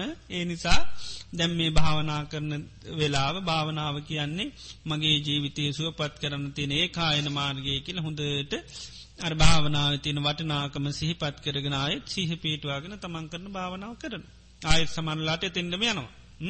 හිතේ ස්වභාවේ යං යම් බහුල මනු විතක්කේති තතාතතා නති හෝති චේසසෝ. යම බහුල වසයෙන් විතර්ක වුණොත් ඒකටම තම හිතායාය කැරකි කැරි කියන්නේ සමට ඒ සිින්දුවම යමතක් වෙන්නේ. ඒක තමයි ස්වභාවේ නේද? ඒ තමයි හිතේ ගතිය. ඒක තේරුම් ගණ්ඩෝනි තේතොට ආයජ්‍යයම් පස ආයත් කෙවටි පාරක් ගහලා ආය ගණ්ඩයි තියෙන්නේ. කම්පාවෙන්ඩ අන්න එපා සැලෙන්ඩ අන්න පැයිමට මේ වෙලා සිින්දුම තක් වෙන්න කියලා දුක්වෙන්ඩ අන්න එපා නේද. මේ හිතේ ස්වභාවේ හඳුනා ගණ්ඩෝනි මේ අර මම ඊයෙක්කිවේ මේ හිතට මේ ඉන්ද්‍රියන්ගෙන් දේවල් ලැබුණාම හොඳට කාලබීලා නිදහසඉන්න වන නැතිවෙච්චි ගාමක දෙන්නේ අන්න පරණ ආන ගෙදර පිට කෑම නැතු නාම ගෙදර ඇතුළෙ කෑම හොය හොය කණ්ඩ වෙනවා වගේ හිතත් මොකද කරන්නේ? අර පරණ දේවල් ටිකක් අවස්සලා අන්න පරිභෝජනය කරන්න යන මොකද ඒක නැතු ඉන්දම බෑ. ඉතින් ඒකයි අර මේ හිත නිතරම ඕක මෝකං ඔප්පතුව කැන ඕක කියල කැනෙ කාම අරමුණුවලට තමයි නිතරම හිත බැසගෙන යන්නේ. නිති ඒක තමයි මේ හිතේ තියෙන ස්වභාවය. ඉතිේ නිසාපිට තියෙන්නේ මේ දේවල් වලට මනස යනකොට ඒක වලක්ක ගන්න. සීහ පිටවාගෙන පුළුවන් තරන් ගන්න. එක තමයි කරන්න තියෙන එකම ක්‍රමවේදේ තින් ධර්නු ලෙස ඇතිවෙන දේවල්වල ආදීන හොඳට සේකරන්න. ආදීන සේකරනකොට ඒක හිත පිහිටන්නේ නෑ ආසාද වසයෙන් බල හිද තමයි අන්නේ යන්නේ.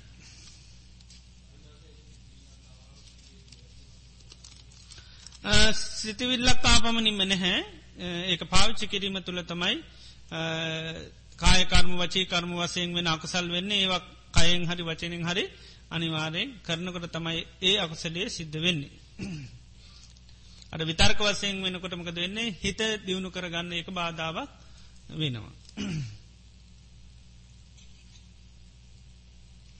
ආනාපාන සති භාවනාවට සමාධිගත වූ පමණින් සිතට බයක් වැනි දෙයක් එය පව පවත්වා ගත නොහැකි වී නොහැකි විය. මෛත්‍රී භාවනා කළ හැකි. නමුත් හුස්ම හිතට යයි. අනික් භාවනා කිරීමට ගත් පමණින්ම හුස්මට හිතයයි ධර්ම සද්ධර්මශ්‍රවනය කළ හැකි හැකි හිත පිටයන් නොයා නමුත් වැරදීමකින් හෝ සමාධිගතු බවහෝ බව සමාධිගතුව හොත් පෙර පරිදිම සිත එයින් පිට එයයි. ගරු ස්වාමීන් වහන්ස කරුණාව මේට හේතු හෝ පිරියමක් පහදා දෙන්න.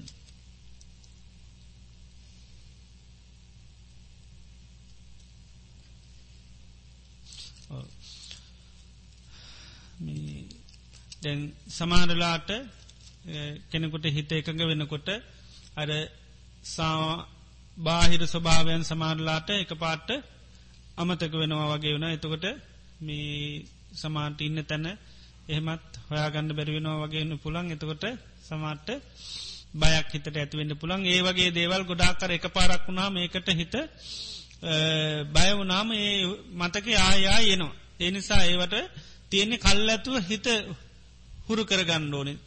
සමාධී ලැබුණාය කියලා කිසි බියවෙන්න දෙයක් නෑ. සමාධී කියන බොහෝම සාන්තපනීත තැනක් සමාධිගත වන වීමෙන් කිසිම මට අවඩක් අනර්ථයක් වෙන්නේ කියලා භාවනා කරන්න ඉස්සල හිත හුරු කරගෙන තමයි භාවනාවට වාඩි වෙන්ඩෝන්.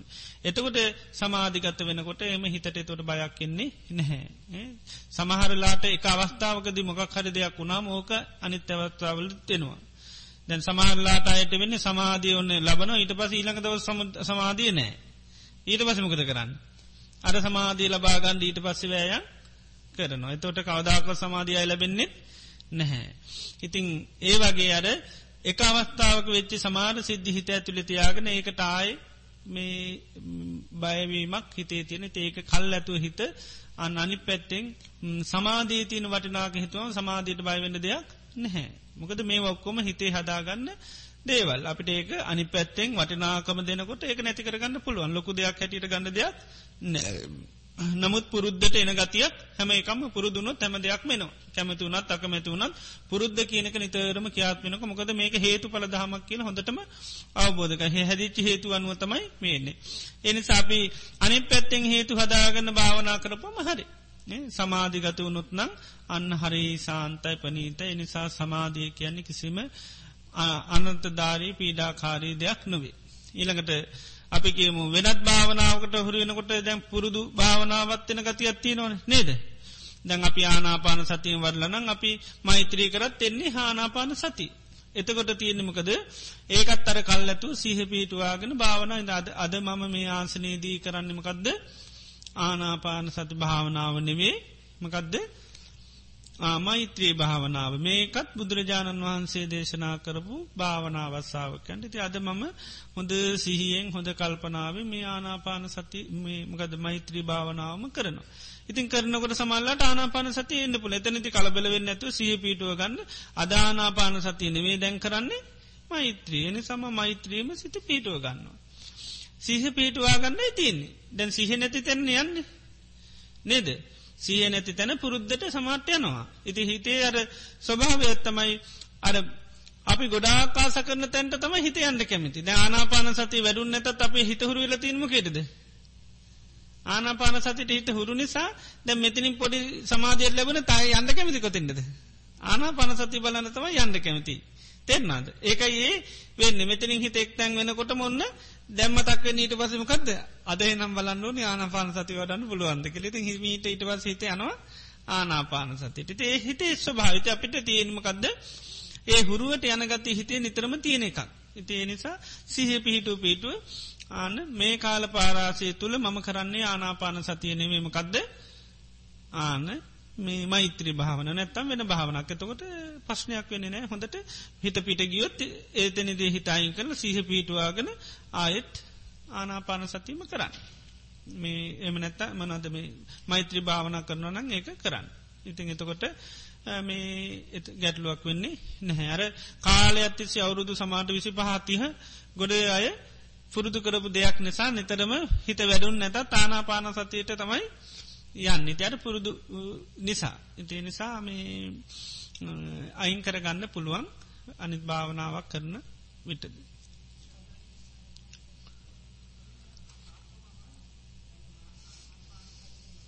හ්ම්.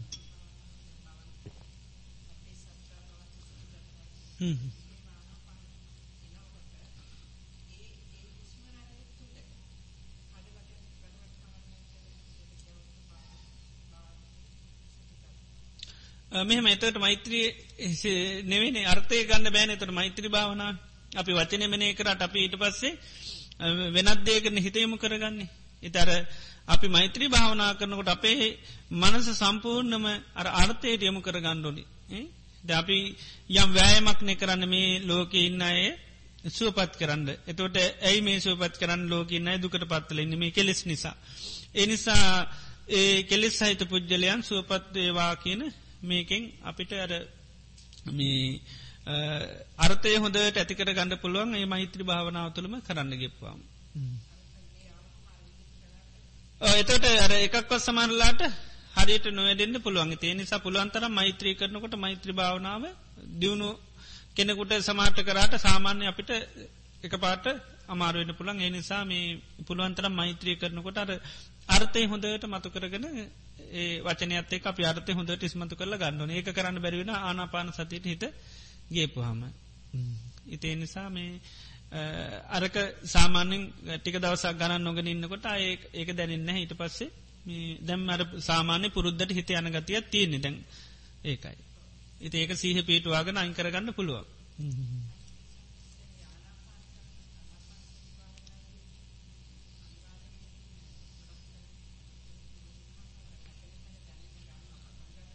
හ්ම්.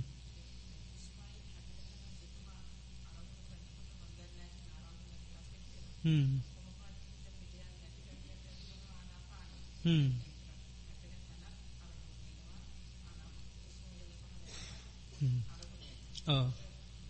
ඒක ගැටලුවත් නෑති තමන්තර දෙකම දැන් දැන නැති කෙනෙකුරතා මංකවර මුනින්ම දැන් හුස්ම වදින තන අනිවාරෙන් බලන්න ඕනක හම යා ගොඩක් වේසක් ගන්නවා එතකට සමන්ලාට හිත මේ වෙනවා දැනෙන කෙනෙකුට එහෙම ගැටලුවක් නැහැ නමුත් අපි අවධානයම යන්ඩුවන මේ ඇතුල් එන්න පිටවෙන පිළිබඳ හුස්ම පිළිබඳව සීහෙන් ඉදීමතමයි මෙතන ප්‍රධාන කාර්යභාරය.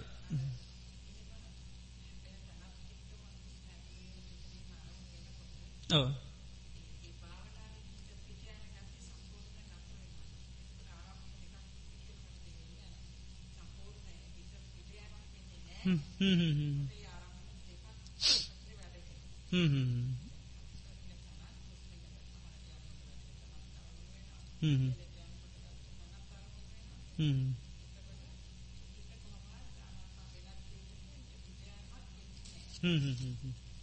ඒක ගැටලුවත් නැහැ. ඉතින් තමන්ට ඒදයා බලානින්න පුළුව නම් වදිනකොට ඇතුල්ලෙනවා පිට වෙනවා. ඒක එච්චර ගැටලුවන්නේ මංහර මුලින්කිවේ මේ වදින තැනම මුලින් සමන්ලාට මේ වදින් නැත්තං හොයන් යනවනි. එතකොට ගැල්ල දැ හුස්ම තේර නමුත් යට ඕනි වදින තැන බලාගණ්ඩ උන්නොත්මකද වෙන්නේ?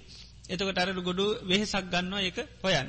එතේ නිසා මේ අපිට ප්‍රධානි ලක්කේ වෙන්න ඕනි හුස්ම පිළිබඳව මේ සිහියෙන් ඉදීම තොට අර වදින තැන බලාගනුනත් පශ්නයක් නෑ හුස්ම ඇතුල්ලෙනකොට පිටවනට ඒක ප්‍රධාන අරමුණ කරගන්න. ති හුස්ම මේ එතවට සමාරලාට නොයදුනයි කියලා ගැටලෝකුත් වෙන්නේ. නැහැ. තුවට ප්‍රධාන දේතමයි ඇතුල්ලෙන හුස්ම පිළිබඳව සිහින් ඉදි මානාපාන සති කියන එක ආස්වාස් පාස්වාස් පිළිබඳව සිහින් ඉන්න එක.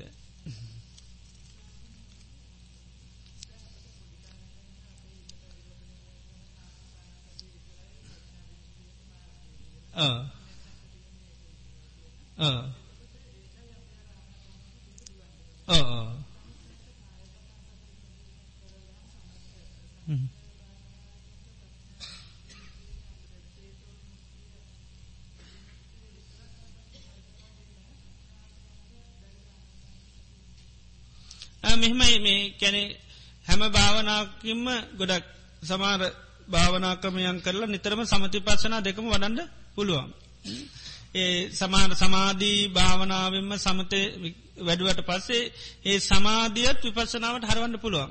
ගොඩක් දේශනා තියෙනවා මේ දිහානය කියන්නෙත් බුදුරජාන් වන්ස පෙන්න්න ඒක පංචු පාදානස්කන්දය දිහානය කියල කිය එතනත් තියෙන රූපගතම් වේදනාගතන් සංඥාගතන් සංකාරගතම් විඤ්ඥානගතන්. එතොට ඒ දිහානේ ඊට පස්සේ යට විපශනා කරන්න පලේ අනිත්‍ය දුකනාත්ම වසයෙන් ගනුවත්තුවාල ඒවිදිට කරන්න පුළුවන්. එතිේ නිසා මේ අර මේ ආනාපාන සතියම ඒ නිවන් දකින්න තියෙන එක මාර්ගය කියල එකක් නෙවේ තියෙන්නේ. සතර සති පට්ටාන තමයි නිවන් දකින්න තියෙන ඒ කායන්න මාර්ගගේ ඒ සතර සති පට්ටාන පිළිබඳව සිහියෙන්ගිදීම ඒකයි. ඒක එක මේ එකක් විතරයි ආස්වාස් පාස්සාස කැන මේක ඉතාමත්ම සියුම් භාවනාවක්. ඉතිං ඒකෙන් මේ සතර සතිපට්ටහනම දියුණු කරගන්නත් පුළුවන්. එති ඒක ඒකට අර ලොකු සිහිය නුවන තියන කෙනෙකුට දේශනා කරනවා කියන එක ඒ බලගත සීය නුවන තින කෙනෙකුට ඒ ඉතා මේ සතර සතිපට්ටාන වඩන්න පුළුවන් ආනාපාන සතීම සත්ත සත්ත බොජ්ජංග විද්‍යායමුතු ඔක්කොම දියුණු කරගන යන්න පුළුවන්.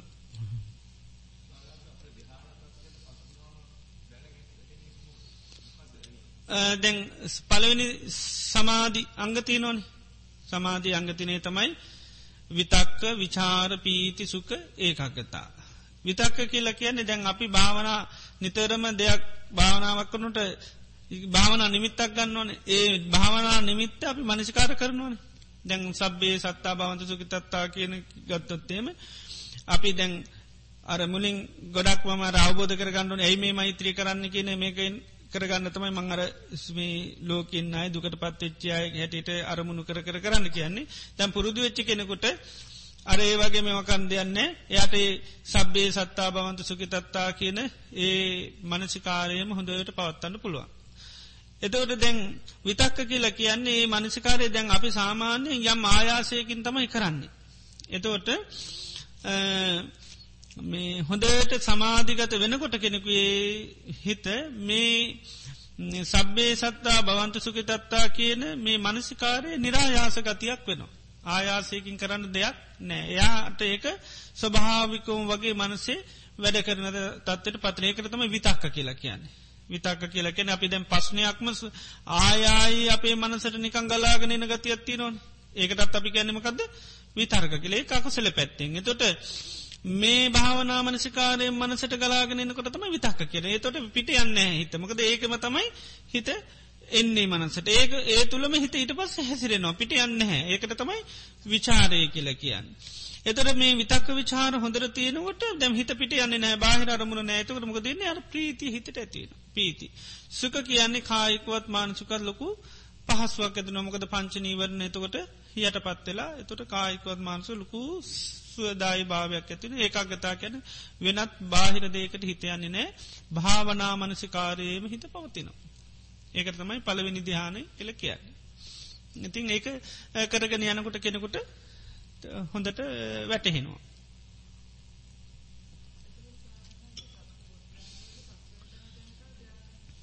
මකදද?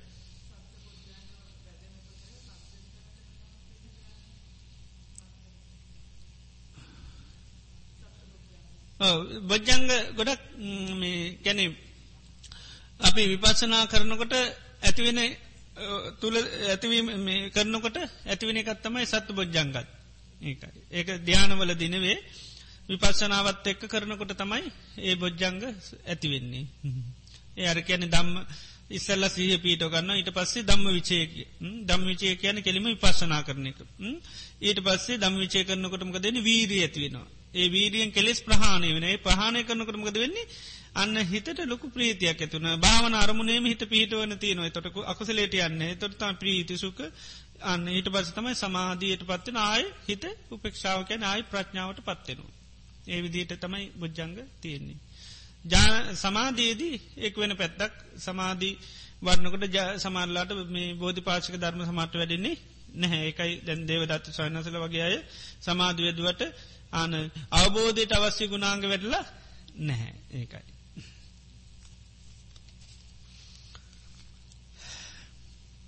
පටිච්ච සමුපාදයේ අවිද්‍යාපච්චයා සංකාරා සංකාරපච්චයා විඤ්ඥානං විඤ්ඥානපච්චා නාමරූපං නාමරූප අවස්ථාවන් තෙක් යම් කිසි උදාහරණයක් සහිතව විස්තර කර දෙන්න. එතකොට මේ අපි දැන් පඩි සම්පාදේ මේ තුළත් කියන්නමකද දුක සකස් වෙන ක්‍රමවේදි. දුක සකස් වන ක්‍රමවේදතම පටි සම්පාදය පෙන්න්නන්නේ.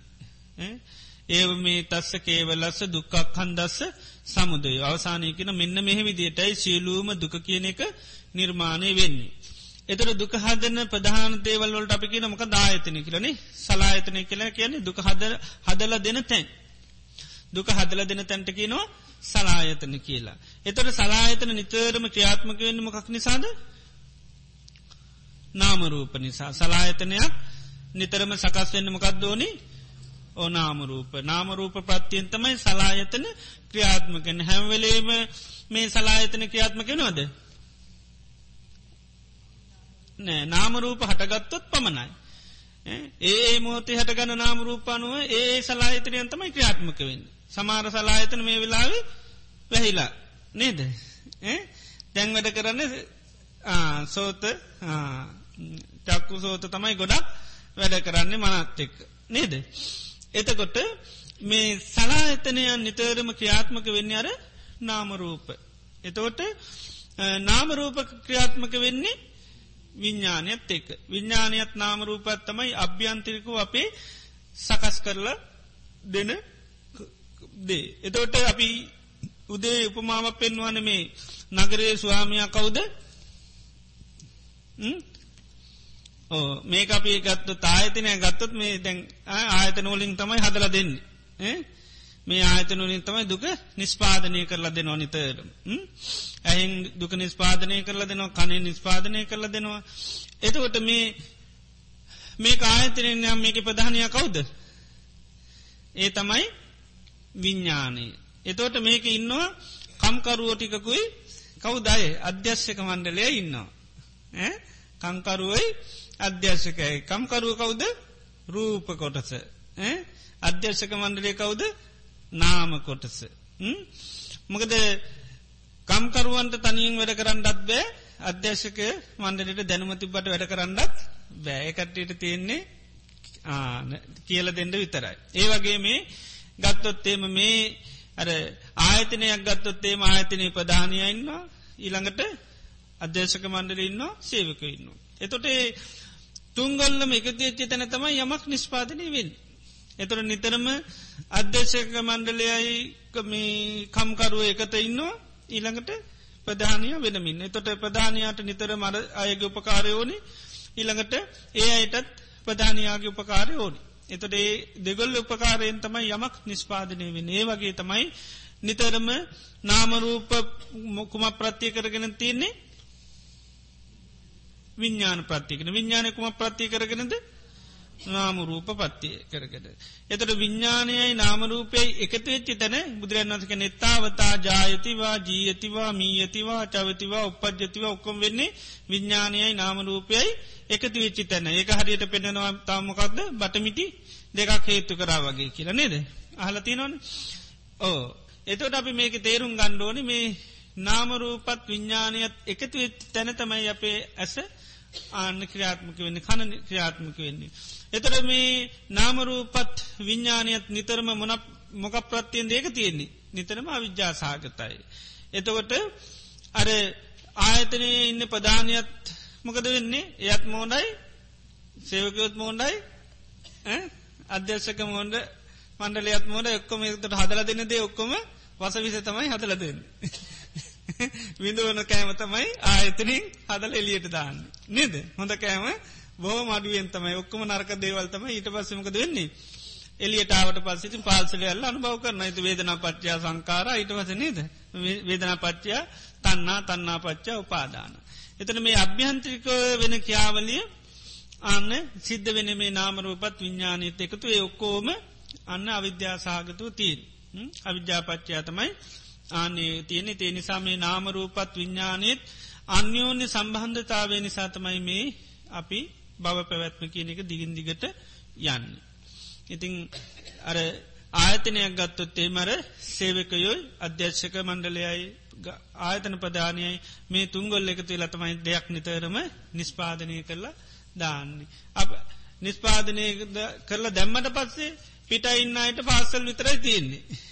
ඉති ඒ අය දන්නේ නෑ ඇතුළ හදපු හැටි දන්නවද. හදපු හැටිනේ හතපුදේ කණ්ඩ දන්නවා නේද. ඒ වගේ අපිට තේරෙන තැන කොතනද. අපිට තේරෙන්නේ කොතනින්ද. ආන වේදනාවෙන් තමයි තේරෙන වේදනා සමෝ සරණා සබ්බේ දම්මා වේදනාව පිහිට කරගෙන තමයි තියෙන්නේ වේද ඉතන් දට්ටක් බංකින විඳුව විඳුව තමයි දකින්න තියෙන එතට වේදනාවෙන්ත අපිට දැනෙන තැන එතට තමයි යන්න අපි වේදනාවෙන් දැනිච්චිකාමකද වෙන්නේ? ආනඒකට හිත ආසාාව ඇතිල හිත බැඳෙනවා. ඊට පස්සේ තමයි උපාදාන පච්චා බව බවපච්චා ජාති වෙන්නේ. එතකොට අර පාසලේ අතුළෙන් හැතපුදේ කණයි දන්නේ නෑ ඒවගේ තමයි අපිට වේදනාවක් ඇති නොට එතනින් දැරෙන ඇරෙන්නේ ඒ එහා මොනවාදුනේ කියලා හොයා ගණ්ඩුවත් බෑ. නමුත් අපට තේරුම් ගන්න තියෙන එකයි අන්න ඇතුළේ මේ නාම රූපත් විඤ්ඥානයත් අන්‍යෝන සහයෝගෙන් හදල දෙන එකත්තමයි අපිට හැට පේන්නේ කන්ට හෙන්නේ නාසේට දිවට දැනෙන් එතන දී වේදනාවෙන් තමයි අපිට දැනෙන තැන.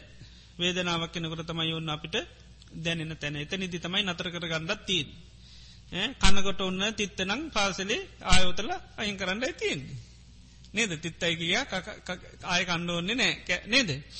ඒ වගේ වේදනාවෙන් තමයි නතර කරන්න තියෙන් තස්සාය ඒව වේදනා ඒ වේදනාව අසේෂ විරාග නිරෝධ අන්න ඉතිරි නැතුව ඇල්ම දුරු කරානං අන්න වේදනා නිරෝධා තන්නා නිරෝධ අන් තන්නා නිරුද්ධමතා උපාදාන නිරෝධ බව නිරෝධ වෙන්නේ. ඉති එනිසා අපිට අල්ල ගන්න තියෙන එකම තැන කොතනද වේදනාව අන්න එක එතිනින් එහා නතර කරන්න බෑ. කොම්පැනී වහන්ඩ හරි අමාරුයි මොකද හදලාම දෙනවා. අපිට තියෙන්නේ දෙන පාසල් ලොක්කම කන්නේ නැතුව පාසල් ලියලා ආන්න බලන්න. ඒකයි. පාසල් ලියලා ඇතකොට වේදනාවෙන් තම යල්ලන්න තියෙන එකම තැන. සීය පීටවාග නැතිනින් තමයි අන්න නිමි අපිට හොයා ගන්න තියෙන එකයි. පස්ස පච්චා වෙදන මොක ස්පර්ශය නතර කරන්න බෑ. ස්පර්ශය මොකක් වගේද කියල තියන්නේ? හමගාප එලද නක් වගේ කියනවා. බේරෙන්ඩ බේරෙන්න්න පුළුවන්කමක් නෑ. ආයතන තියනකං ඉස්පර්ශ වෙනවාමයි. එක ආයතනයක් තියෙනව ගනන් තියෙනවානම් බඩු නිස්පාදනය කරනවා මයි ඉතේ නිසායක නතර කරන්න බැහැ ඉතින් ඒ නිසා මේ අද අවිද්‍යා සාගතුව මේ අපි මේ නාමරූපවලටත් විඤ්ඥානයටත් තියෙන අනෝබෝධය නිසා තමයි අපි ඒවට බැඳිලා මුලාවෙලා ඉන්න ඒකයි අපි පංචුපාදානස්කන්දය අවබෝධ කර ගන්න මේ භාවනා කරන්න පංචුපාදානස්කන්දය ආබෝධ කර ගත්තන එතන නාමරූපත් විඤ්ඥානයක් තොක්කම අන්තර් ගතයි. ඉතින් නිසා ඒ අවි මේ නාමරූපවලටත් විඤ්ඥානයටත් තින්න තන්නාවත් අවිද්‍යාවත් දුරුවෙන් නැතිතා කල්මකද වෙන්නේ මේ ආයතනය හදලා දෙනවා. ඒක තමයි සාමාන්‍යයෙන් උපමාවක් ඇටට සේරුම් ගන්න තිීන්. තේ නිසා නාමරූප එකට තියන්නේයේ තනියෙන් නාමුවලට තනියෙන් වැඩ කරන්න බෑ. රූපයට තනිවුණුත් බෑ. දෙක එකතු වෙන්ඩෝනි නිතර. ආනකයි ඒ දෙන්නටත් එකට බෑ. ආය කවුදුපකාර කරගන්නේ? විඤ්ඥානය විඤ්ඥානයට තනින් කටයුතු කරන්න බෑ. යාකාගුපකාරද බලාපොරොත්තියෙන්නේ නාමරූප ආන්නේකයි ආයතන පධ්‍යානයට තනියෙන් ආයතන ගෙනියන් ඩබ්බෑ කංගරුවන්ට තනියනුත් බෑ. අධ්‍යශක මණ්ඩරයට තනියනුත් බෑ. තුන්ගොල් එක වෙච්චි තැන තමයි යමන් නිස්පාදනය කරලා ආයතනින් එලියට දාන. නේද. එතකොට අනිත් අහිංසක ජනතාවයක අනුභව කරලා නජීර්ණ හදාගන්න.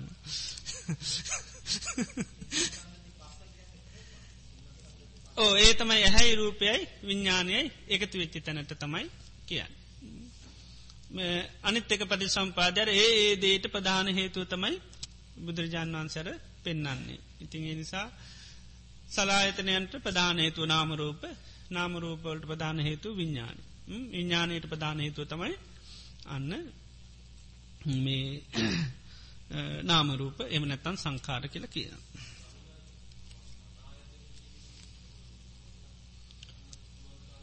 මකදද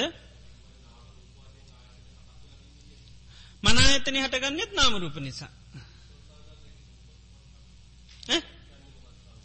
දැන් අපගේ මනසට යම මනස ක්‍යාත්මක වෙන්න නං යම් කිසි රූපනිමිත්තකුයි අර වේදනා සංඥා චේතනා පස්ස මනස්කාරයෙන් එකතු වෙන්ඩන තොට තයි මනසට යම් අන්න විඤ්ඥානය කෙනෙක හටගන්න.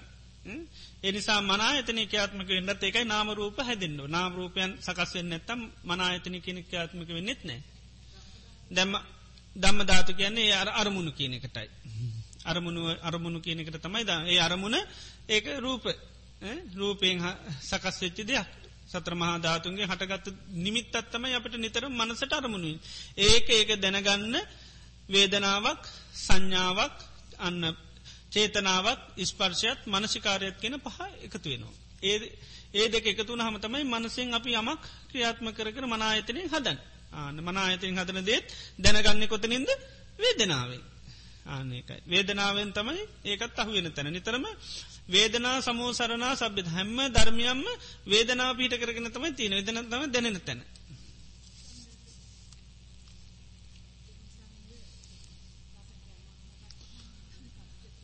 ඕ ඕ ඒ කෑම නිමිත් අපිට මතක් නොනේ ඒක රූප නිමිත්තක් ඒක. ඕ දේශය හිතට නවා හිත ඕ ඒකයි.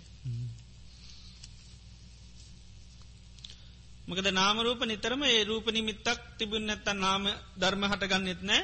නාම ධර්ම හට ගන්න රූප නිමිත්තන්න නැතුවත් බෑ. දෙකම ඕනේ. ඒකයි. යර රූපකාය පටික සම්පස්සේ නාමකාය අධිවචනය කියලතිනවා නිතරම අපි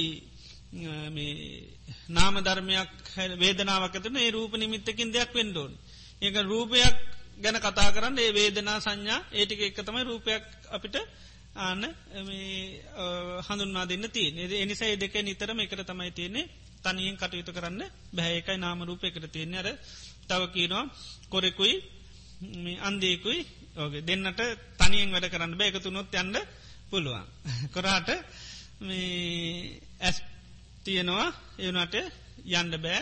අන්ද කෙනාට කකුල් තියෙනවා ඇස් නෑ. එනිසා දෙන්න එක තුනාව යන්න පුළුවන්ගේ වගේ නාමරූපත් ඒ වගේ කියලා කියනවා. පටිච සම්පාදය ඇතුළත් සංකාර අවිද්‍යාපච්චා සංකාර සමහර ස්වාමීන් වහන්සලා විසින් පෙර ජීවිතයත් වර්තමාන ජීවිතයක් සම්බන්ධ කරන පුඤ්ඥාභි සංකාර අපුඤ්ඥාභි සංකාරසා ආනන්ජාභි සංකාර වසයනුත් ඇතැම් ස්වාමීන් වහන්සේලා කාය සංකාර වචී සංස්කාර තීත සංකාර වසනු හඳනදී බුද්ධ දේශන අනු සංකාරයන වචනය පරිසම්පාදය තේරුම් ගත යුතු ආකාරය පැහැදිලි කර දෙනමේ ඔබහන්සේගෙන් කානු ඉල්ලා සිටි. එතොට සංකාර කියන වචනේ තේරුම තමයි සකස් වෙච්චි දේවල්වලට සංකාර කියනවා. එතට ආයම සකස් කරනකොටත් ඒකරත් කිය නමකදද සංකාර කියලා. සංකතං අභි සංකරොන්තීති සංකාරා. සකස්වෙච්චි දේතුළින් ආයමත් සකස් කරනවාට සංකාර කියලා කියනවා. එතොරකින මොකක්ද සකස් කරන්න රූපං රූපත්තායි රූපයෙන් ආයමත් හදල දෙන්නමකක්ද රූපයක් හදල දෙනවා වේදනාවෙන් ආයමත් වේදනාව සංඥාවෙන් ආයමත් සංඥා. සංකාරෙන් ආයමත් සංස්කාර. විඤ්ඥානෙන් ආයමත් විඤ්ඥානයක් හදර දෙනවා. එතොට සකස් කරනවාකි නර්තයෙන් තමයි සංස්කාර කියල කියන්න. පොදුව ගත්තොත්තේම සංකාරකින වචනේ සකස් කරනවා. ආන්නේකයි. ඊළඟට සකස් වෙච්චිදේ. සකස් වෙලා තියනොන ඒකටත් සංකාරකින දැන් අපේ ජීවිතමකක්ද. සංකාරය සකස් වෙලා තියෙන දැන්. මේ සකස්වීම තුළ අයමකක්ද වෙන්නේ ආය සංස්කාර තමයි වෙන්නේ සකස්වීමක් වෙනවා. ආයමත් මේ පංචුපාදානස්කන්දය තුළින් තව පංචුපාදානස්කන්දය නිර්මාණයත්තමයි තිීන් නිතරම. ඒකයි සංකතන් අභි සංකරුන්තීති සංකාරා කියල කියන්නේ. ත රවිද්‍යාපච්චා සංකාරා කියනකොට එතෙන්න බුදුරජාන් වන්සේ ඔක්කෝම සම්බන්ධ කරන්න පුළ මොකද විධ තැන්වලද විධ විදිහට තෝරනවා. සමාර තැන්වලද පුඤ්ඥාභි සංකාර පුඤ්ඥාභි සංකාර ආනින්ජාභි සංකාර කියලා කියනවා. පුඤ්ඥංචේ පුඤ්ඥං පුඤ්ඥංචේ සංකාරං අභි සංගව පුඤ්ඥූපකං හෝති විඤ්ඥාන. පිනට නැමිරුලා යමක් කරනකට විඤ්ඥානය ආන පිනට නැමිරලා සකස් වෙනවා. පවකට නැමිරු වෙලා විඤ්ඥානද අන්න අපුඥාපි සංස්කාර හැදෙනවා ජාන භාවනාදී කරනකොට ආනින්ජාපි සංකාරවත්තයෙන් විඤ්ඥානය සකස් වෙනවා. එතොට ඊට අනුකූලතම විඤ්ඥානය සකස් වෙලා අන්න ආයුපත කරා යනවා. එතෝට මේ පඩිසම්පාදේ අපිට සාමාන්‍යෙන් තේරුම් ගන්න තියෙන විඤ්ඥානය පවතින්නේ කොතනද සකස් වෙච්චි දෙයක් තුළ අන්න එකයි. එතොට සකස් වෙලා තියෙන්නෙමකක්ද ඒත් නාමරූප නාමරූප තුළ තමයි අන්න නිතරම මේ විඤ්ඥානය කියන එක පවතින්නේ ගොඩා කරත තින සාමාන්‍යෙන් අර්ථය ගත්තාම ඇති. විඤ්ඥානයේ පවතින්නේ අන්න සකස් වෙච්චි දෙයක් තුළ. අන්නේ සකස් වෙලා තියන්නේ ඔක්කො මොන ප්‍රත්තියන්ද අවිද්‍යාපට්ටයෙන් ඒකයි. ඒ නිසා මේ සංකාර කියන වචනේ එකයි ගොඩා කරත තියෙන සාමාන්‍යෙන් මේ සකස් වෙච්චි දේවල් වලට සංස්කාර කියනවා ඊළඟට ආයමත් සකස් වෙනවටත් සංකාරතින තොට දැන් විඤ්ඥාන නිතරම සකස් වෙච්චි දෙයක් තුළ තමයි පවතින් ආන්නේකයි. ඒ විඤ්ඥානය තුළින් ආයමකද වෙන්නේ ආන්න නිතරම සකස් වෙනවා නාමරූප විඤ්ඥාන එකතු වීම තුළමකද වෙන්නේ. ආන්න සකස් වෙනවා. මක දර උපමාවදිත් පෙන්න්නනවා නගරේ ස්වාමයක් කොහෙ දින්න කිල්හනවා. ඒ තමයි සතර සිංගාටගේ තමයි ඉන්න කියෙන මොකද කිල්හන සතර සිංගාටගේ තමයි පටවී ආපෝ තේජෝ වායු නගර ස්වාමිය පජංචිල ඉන්නේ ආන එතන කියනවා. හිත ඒ නිසා අපට තියෙන මේ සකස් වෙච්චි දේ තුළ තමයි මේ විඤ්ඥානය කෙනෙක නිතරම ඒළඟට සකස් වෙනකොට ආයමත් විඤ්ඥානය පිනට එක්කු නැබුරු වෙනවා එම නැත්තම් පවට නැබුරුලා යනවා. ඉතින් පටිච සම්පාදයේ බුදුරජාන් වහන්සේගේ බුද්ධ දේශනා තුළ කාල වසයෙන් බෙදලා නැහැ. මොකද ඒකට හේතු ගොඩාත් බුදුරජාන් වහන්සේ පෙනල තියෙන මොකද දම්මේ ඥානය සහ අන්වේ ඥානය කියල දෙකත්තිනවා. දම්මේ ඥානය කැන අපි මේ මොහොතේ අවබෝධ කරගන්න එක. දැන් කෙනෙක් පටි සම්පාදය අගම අපි ගත්තොත්තේම නිතරම කෙනෙකුගේ ජීවිතයට සෝක පරිදේව දුක්දම්න්න සටගන්නවා. එතොට එයා නිතරම සිහපට පිහිටෝ ගන්නවා ඇයි මට මේ සෝක පරිදේව දුක්දම්නත් සටගත්තේ. මකක්ද මේකට හේතුව. එතොට යාබෝධ කරන්න ජාතිපච්චයා. ඉපදිච්චි නිසයි මට මේ අන්න සෝක මේ සෝක පරිදේව දුක්කදෝ මනස්සු පායාසයන් හටගන්න. එතට කාලයක් කනකොට යා විදිට හරියට පුරුදු කර තවබෝධ වෙනවා නිතරම දුකක් හටගන්නකොට හේතුමකක්ද කියලයාට සිහිපත්නය තමයි ජාතිපච්චය ඉප දිච්චි නිසා. යම්ද කාලෙක යාට ඒ විදිහට අවබෝධ වනුත් එයාට ඒකම බලන්න පුළමං අතීතයේ මේ විදිහ දුක්වින්දන ඒත්මකක්ද ආනිපදිච්චි නිසා.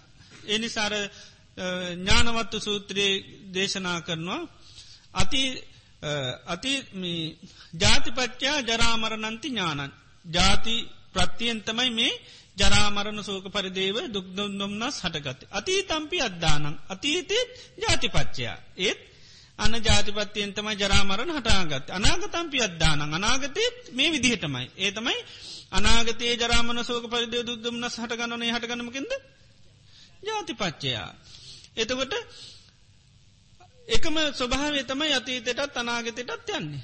දැන් අපි සෝක පරිදේව දුක්දම් නස් විඳන්නමකින්ද ජාතිපච්චයෙන්. එත රතීතය විඳන ඒත් එහෙමයි. අපිට දැ වේදනාවක් කටගන්න එමකෙන්ද ඉස්පස පස අතීත වේදනාවක් කටගත්ත ගිය ජීවිතේ. ඉස්පරස් පත්ති අනාගත දැන් ඉපදුන තා වේදන හටගන්න එමකෙන්ද. ස්පර්ශපත්තියෙන් ආන්නේකයි. දැන් සලායතන දැන් කියාත්මක වන මේ මන පත්තින්ද නාමරූපත්ති අපිට අතීත ජීවිතය සලායතන හට කියාත්මකුණ ඒමන පත්තින්න නාමරු අනාගතය සලායතන පටන්ගන්න. අනාගතය බුද නම ආය සලායතන ක්‍රියාත්මක ඒමන පත්තින්න නාමරූපත්තින් එතවට ඒකයි මේ පටි සම්පාදය බුදුරජාන් වහන්සේ නිතරම මේක එහෙම මේ පටි සම්පාදය කරන්න. මේකම තමයි අති තනාගතයට බලන්න තියෙන. ඒක තමයි අර චතුසා චාලිස ඥානවත්තු කියල පියෙන ඥාන මේකකට හතර ගානේ ඇතිනවා දුතිය ඥානවත්තු දීර දෙකත්තින සූත්‍රයක තියෙනවා. ඒකයි ජාතිපච්චයා ජරාමර නන්ති ඥානන් අතීතම්පි අද්දානන් ජාතිපච්චයා ජරාමර නන්ති ඥානන් අනාගතම්පි ජාතිපච්චයා ජරාමර නන්ති ඥාන. යම් පිස්සතන් දම් මට්ටිති ඥානන් තම්පිකය දම්මං වය දම්මං විරාග දම්මන් නිරෝධ දම්මන්ති ඥානම්. එතුර මේ අවබෝධයක් ඇති වුණාන ඒකට කැන දම්මට්ටිති ඥාන ඒකත්මකක්ද. තම්පිකය දම්මන් වය දම්ම විරාග දම්මන් නිරෝධ ඒකත් ඇලෙන්න්න බැඳන්න ඒකත්නම ඒකත් වෙනස්සල නැතිවල එන එකක් කියලා ඒක පිළිබඳවත් අන්නයා අවබෝධයක් ඇති කරගන්න ඒකත් ඥානයක්. ඒකයි. යම් පිස්සතන් ධම්මට්ටිති ඥානන් තම්පි එයත් කයදම්මං වයදම්මං විරාග දම්මන් නිරෝධ දම්මන්ති ඥාන ආනිකයි. හටගත්තනං අවබෝධයක් ඒකත් අනිත්‍ය හැටියට අදකන එකත් වෙනස් වෙලා යන දෙයක් ආන ඒකත් නුවනීතිය දෙයක් නොමැදී යුතු දෙයක් එක විරාග දම්මන් නිරෝධ දම්මන් කියන්නේ එකයි. ආනේ පිළිබඳවත්වයට ඥානයක් ඇතියෙන. ඒක අල්ලගන්නෙත් නෑ එක පටි සම්පාදයට හතර ගාන ඥාන ඇති කරගන්න.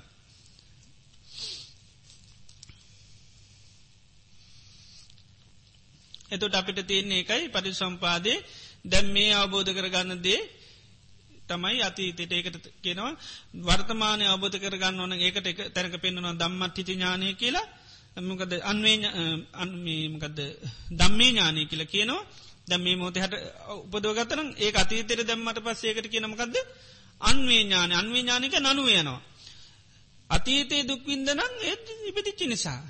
දැම් දුක්විඳින්නේ යම්සේද? දැන් දුක්කිනිට හේතුවමකක්ද ජාතිපච්චේ නම් අතීතෙත් ඒ විදිර තමයි. ඒ විදිට ඒක යන්වේ ඥානිකැනෙ අනුව යනවා.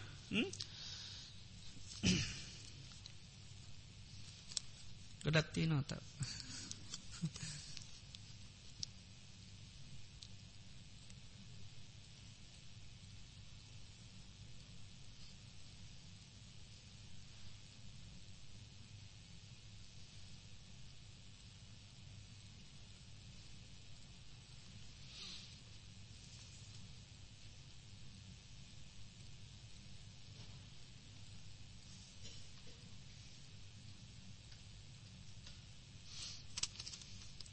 මගේ හිත මේ හිත කියන මේ හිත කියන එක අයිතිකරු මම නොවීනි මම යනුවෙන් පෙනී සිටින්නේ ඇස කණනාසේ දිව ශරීරය යන මේ පංච ඉන්ද්‍රියන්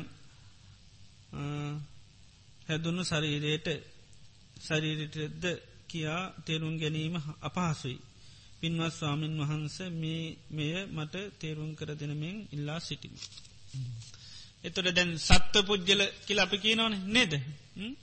දැන් සත්ව කියලා බුදුරජාන් වහන්සේ තෝරල දෙන්නේ පංචුපාදානස්කන්දයට ඇලුනනම් බැඳුනනම් අත්ති තත්ත සත්වෝවා සත්ත පඥ්ඥත්ති. පංචුපාදානස්කන්දයට හිත යම් කෙනෙකුගේ බැඳිලා තියෙනවනම් අත්ති සත්ත සත්වෝවා සත්ත පඥ්ඥත් එතන තමයි සත්ත පඥ්ඥත්තේ තියෙන එතන සත්‍යයකින්න සත්ත පඥ්ඥත්ති තියෙනවකිනවා කුමද්ද පංචුපාදානස්කන්දයට හිත බැඳිලනම්.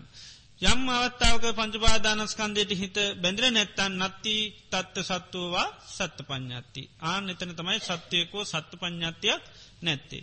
එතොට අපි සාමාන්‍යයෙන් මේ සත්ත සම්මුතිය තුළ අපි ඉන්නේ. එතොට අපි භාවනා කරනකොට සාමාන්‍යයෙන් මේ හේතු පල දහමක් හැටියට අවබෝධ කරගන්න තමයි අපි කටයුතු කරන්න. නමුත් අපි අර සත්ව සම්මුතිය කියනක තුළ ඉඳගෙන තමයි කරන්න තියන්නේ. පුද්ජලත්තේම පුද්ජල මේකෙද පෙන්න්නනවා භාර සූත්‍රය කියලා තියෙන එක පෙන්න්නනවා බර කියලෙකත්තින බරගෙනියන කෙනෙක්කින්නවා. ඊළඟට බර අල්ල ගැනීමත්තින බර විසිකිරීමත්තින බර කියන්නමකක්ද පංචෝපාදානස්කන්දේ බරගෙනියන්නේ කවුද? පුද්ගලෝ තිස්ස වචනය. යට පුද්ගලයක් කියනවා. ඒවන්නාමෝ ඒවංගොත්තෝ මෙමුදු නම්ගොත්තියන කෙන තමයි පුද්ගලයා. ඊළඟට බර අල්ල ගැනීමත් තියෙනවා. බර අල්ලගන්න අල්ලගන්නම කෙන්ද තන්නහාවෙන් කියන. බර වීසි කරනවා කියන. එමකදද තන්නහාව දුරු කිරීම. රාතන් වහන්සේලාට කියන නමමකදද ඕහිත භාර බර වීසි කරලතින්. ආන්‍යතෝට බර විසිකරාණ අරයන කෙනෙකින්වද නෑ.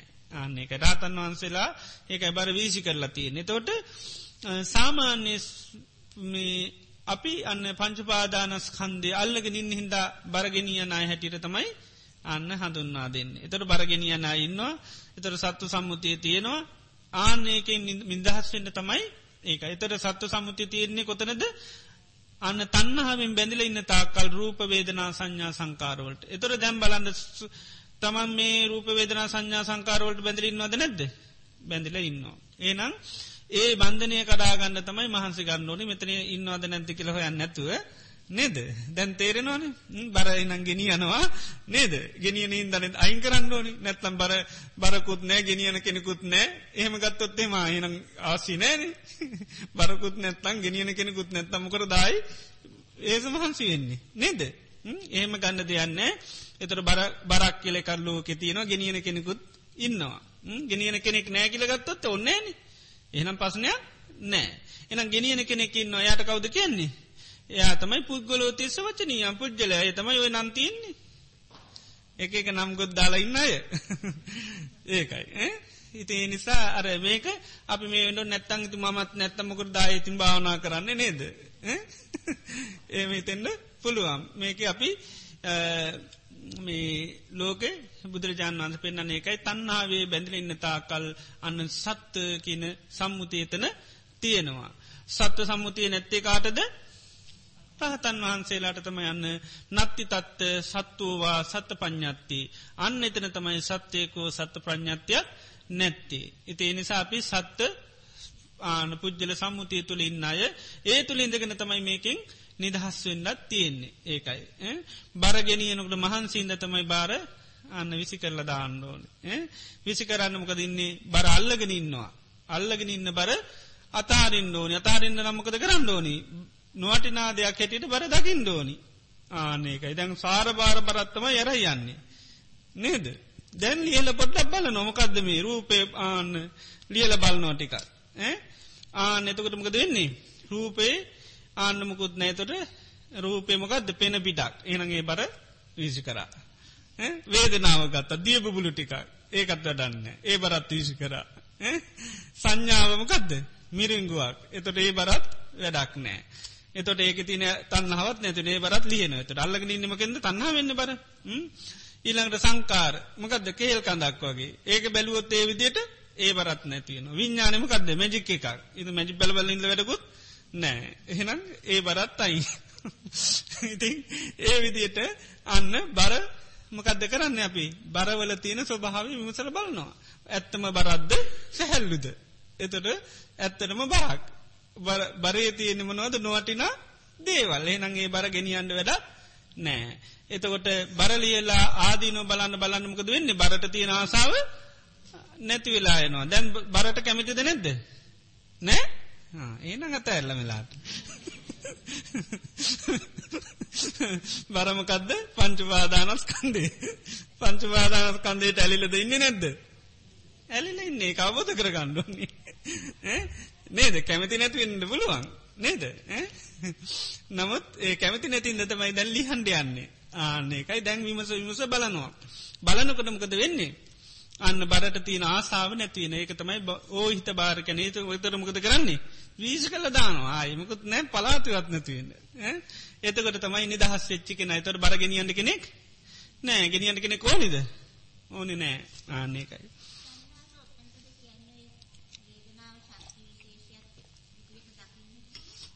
වේදනාව වේදනාවක් හැටිට දකිින් එතොට හරි. වේදනාව හටගන්නමකෙන්ද ස්පර්ශය ඒකයි. එතකොට හරි. වේදනාව වේදනාවක්. වේදනාව හටගන්නමකෙන්ද ස්පර්ශපත්තිය. ඒකයි. ඕ ඔක්කොම ඒමයි සත්‍ය කියල ගන්න එපා. එතොට එතොට සමාට ගැට්ලුවෙන්න්න පුළුවන්. බුදුරන් වන්ස කියල තියන්නේ නම් භාවිතා කරමින් අපි කරපුහම හරි.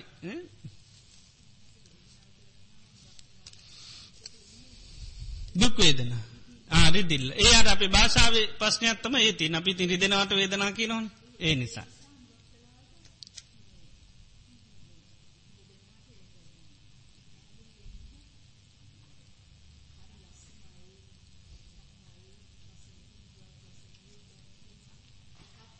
වේදනාවක්. ඕ මෙම ඒකයිට අපි අර ධර්මය පිළිබඳ හොඳට සිහ පිට ගන්න ද වේදනාව කියනකට සැපදුක් උපෙක්කා කියන එකයි වේදනාව කියන එතට වේදනාව කියන වචනඇත්ත අපට සිහ පිහිටන්ඩෝන් ඒකයි සිහ උපදව ගණ්ඩෝන වේදනාව කියන්නේ රිදනවා කියන එකට නොවේ ඒකට පමණක් නොවේ සැපටත් දුකටත් උපෙක්ෂාවටත් එමනැත්තම් සැපදුක් මිශ්‍ර ගතියටත් තමයි වේදනාව කියැන විඳිනවා කිය අර්ථයෙන් තමයි වේදනාව කැන වේදේ තීතිකෝ භික්වේ තස්මා වේදනාති උච්චති විඳිනවා කිය අර්ථය. එතෝට අපිට සිහ උපදව ගණ්ඩෝනි හොඳට. වේදනාව කියනකොට මනසට එන්ඩෝනිමකද විඳිනවා. මොනවද විඳින්නේ? සැපදුක් උපෙක්කා කියන එක. නැතන් සැපදුක් මධ්‍යස්ස ස්වභාවේ. අදුක්කමසුක කියලා කියන. එතට නිතරම හැම වචනයක් පාසාම හොඳට සිහ උපදවගෙන තියෙන්ඩෝන්. ඒ වචන ඇහෙනකොටම සිහ පිහිටන් ඕනි. දැන් අපි අනිත් වචනත් එක්ක සිහ තියනවන. නේද? තියනොද නැද්ද? තියෙනවා. නේද? අනිත් සද්දත් එක්ක සමාරලාට අර්ථය හොඳට තේරෙන වචන ඇහෙනකොටම මොකද වෙන්නේ? ස්මතක් වෙනවා. ආනකයි සමහරගේ නම් කියනකොට යාගේ ඇතුලාන්තය පේනවා. එහම නේද? සිහිවෙනෝන ඉක්මනට. සිහිය කියන්නෙම කදද චිරග තම්පි චිරභාසි තම්පි සරිතා අනුසරිතා පරණ කරපු කියපු දේවල් සී කල්ල දෙන එකතම සිහින් කරන්නේ. ඉතින් දාපුුව දෙනවස් විතරම සීයෙන්. ආනක ඉතිේ නිසා හොඳට අර්ථ කියනේ හොඳට සී කල් අර්ථය හිතේ පිහිටවාගෙන නොසී. එතවට ඒ වචනය ඇහෙනකොට මන්න අපිට සිහි උපදින රූප කියනකොටම සිහ පිටන්නොටමකද සතර මහා ධාතුන්ගින් හටගත්තදේ අනිත්‍යයි කියනකොට අර්ථය හොඳට සිහි වෙන්නනමකක්ද වෙනස් වෙනවා කියනක ඒක නිතරම අර්ථය තියෙන් ඕනි මකද අර්ථය විමසා බලන්න බලන්න තමයි ධර්මය කියනෙක වැටහෙන්නේ. අත්තූප පරික්කත්තියා සති දම්මානන් නිජ්‍යානක්කමන්ති. අර්ථය හොඳට විමසනකොට තමයි මොකද ඇතිවෙන්නේ ධර්මය වැටහෙන අත්තු පරික්කත්යස දම්මාන නිජ්‍යානක්කමන්තිකෙන වැටහෙනවා. දම්ම නිජ්‍යානකන්තය සති ධර්මය වැටහෙනකොට තමයි චන්දෝ ජායති කැමැත් ඇතිවෙනවා. ආනක කැමැත් ඇතිවෙන කැමැත් ඇතුවන හමකද වෙන්නේ උත්සාහ කරනවා. සමහරව කැමතිමකටද තියාගන්න දයින් කරන්නද. අයින් කරන්න කැමතියෙන. සමහරවා අන්න තියාගන්න කැමතියෙනවා. ආනකට තමයි වීරිය කියලා කියන්නේ. ඉතින් ඒ නිසා අපිට තියෙන නිතරම අර්ථය කියනෙක හොඳ ටිස්මතු කරලා ගණ්ඩෝනි. අර්ථය නැතුව වැඩක් නැහැ. සාමාන්‍ය දේවල්වල අපි නිතරම වචනයත්තේ කර්තය තියනෙ සමාරව උපමාවසයෙන් කියන්නේ. මූ මාව කෑවයි තොට දන්නවම කක්ද කියලා. අර්ථ එනවා නේද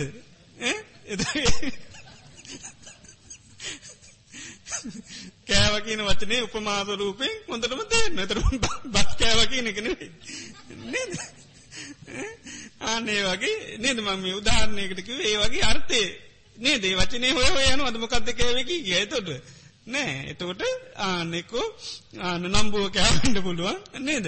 ඒ වගේ ඒ කරපු කියාවත් එක්ක දන්නවා උනේමකක්ද කියලා ආනක එත අහනෙක්කි නට තේරෙනවා මෙයා අන්න කෑවකි වම්මකක්ද කියලා. ඒ වගේ නිතරම වචනාර්ථයත් එක්ක අර්ථයයි මතු කරලා ගණ්ඩෝල්. බුදුරජාන් වන්සේ ගොඩ තැන්වල පෙන්න්නනම අර්ථය ගණ්ඩ කියලා.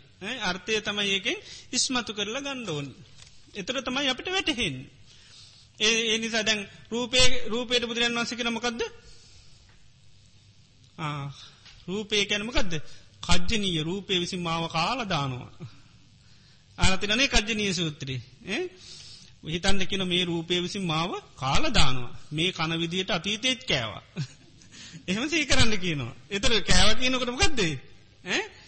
අදහස් කරන්නම ගදේ රූපේ විසින් මට වද දෙනවා. මාව දුකට පත් කරනවා පීඩාවට කනවා කියන්නේ එකයි නේද දැර කනවා කියන එක තේරෙනවානේ වද දෙනවා කරදර කරනවා කියන එක නේ කියන්නේ මේකෙත් ඒකයි කජ්ජනීය කියලා තියෙන කාලදානවා කජ්ජනීය කියන්නේ කාලදාන රූපේ විසින්මාව කාලදානෝ. වේදනාව විසින්මාව කාලදානෝ. ආනේ විදිහට එත අර්ථය ගණ්ඩෝ නතරමකද රූපය විසින් අන්න හොඳටම වදදිදී පීඩා කර කර මේ රූපේ කරන්නේ. ඒ නිසා රූපේ කාලදානක හැට දමූමාව කාලදානෝ කෙනකට යට කැමතිනේ ආන්නෙක ඒ වගේ රූපේ විසි මාව කාලදාන. මේ කන කෑවිල්ල තමයි අතීතෙත් කෑවේ. එහෙම සී කරන්නකිනවා අතීතම්පි අද්දානං අතීතේත් මේ විදිර රූපේන කජ්ජින් කෑවකින. මේ රූපය අනාගතය පැතුවත්මකද වෙන්නේ? ආයත් කාලදාන කොයි කන විදිරද තැන් කන විදියට කියල බලන්නකි නොබුදුරයන් වහන්සේ. අතීතේ රූපේ පැතුව තාය කාලදාන කොහොමද? දැන් කන විදියට කනවා කියනවා. ද රූපේසින් කාලදානවා නේද? ආනකයි රූපේ නිසාබි ගොඩාක් පීඩාවිඳනවා දුක් විඳිනවා නේද? ඉතින් ආනේ රූපයට බැඳිතින්ද මේ රූපේ පවත්වන්න කරන වෙහෙස මහන්සිය? නේද? ගොඩාක් අන්න කාලදානේ අර්ථය යෝනි ආනකයි ඉතින් ඒ නිසා දැන් කජ්ජනීය සූත්‍රය කියනකට අර්ථ ඉන්ඩෝන ආන්නේක දැර නේද? මංඒක අර බාහිර වචනත් එක් අපි අර්ථය හොඳට ඇරගෙන තියන්නේ. අකුසල් පැත්තේ අර්ථය හොඳටම තේරන වචනය කියන්න ඕනි. ඒකත් එක් අර්ථය තියනවා. මට මෙයා මෙහෙම කරා කියනකොටම දේශයනවද නැද්ද? එනවා. ඒ ඒ ක්‍රියාව වචනයත් එක්ක ඒ මනසිකාරයත් එක් අපේ හිත ගොඩත් දුරට යනවා. ආනෙක ඒ වගේ තමයි රූපය කියනකට හොඳ ටර්තේසි සිහිවෙන්ඩෝනි මේ සතර මහාධාතුන්ගෙන් හටගත්තදේ. අනාත්මයි කියනකට හොඳට සිහියට එන්ඩනු ගදද පාලනය කරන්න බෑ කියන. ඒ අර්ථය තමයි වචන ඇත්තෙක් අපිට ඇතිකර ගණ්ඩෝනි. ඒ අර්ථය බලන්න තමයි අපි නිතරම වචනය පාවිච්චි කරන්න. බාහිර ලෝකෙත් අපි වචනය පාවිච්චි කරන්න මොකටද.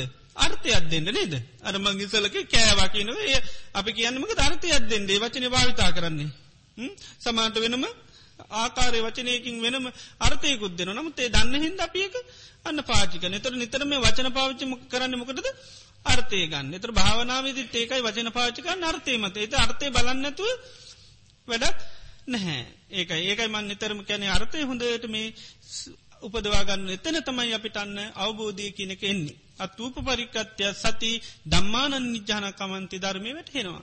අපි දැන් රූපය විසි මාව කාලදානවා කියලා නිතර මර්තය මතු කරගන්නවන අන්න වැටහෙනවා රූපයෙන් අපිට කොච්චර පීඩාවකද එතොට තමයි වැටහෙන රූපය ගැනම කද්ද කියලා. ආන එතවට තමයි රූපයට තින චන්දරාගේ අඩුවෙන්නේ. ආන කාලදාන දෙයන්නම් හොඳයිද තියාගන්න එක. නෑ එතවට තමයි ඒකට තියෙන ඇල්ම ටික ටික අඩුවෙල යන්න. එනම් හොඳයි ගොඩක් ඉතුරුණා පස්න අය හෙට අප සාකච්ඡා කර.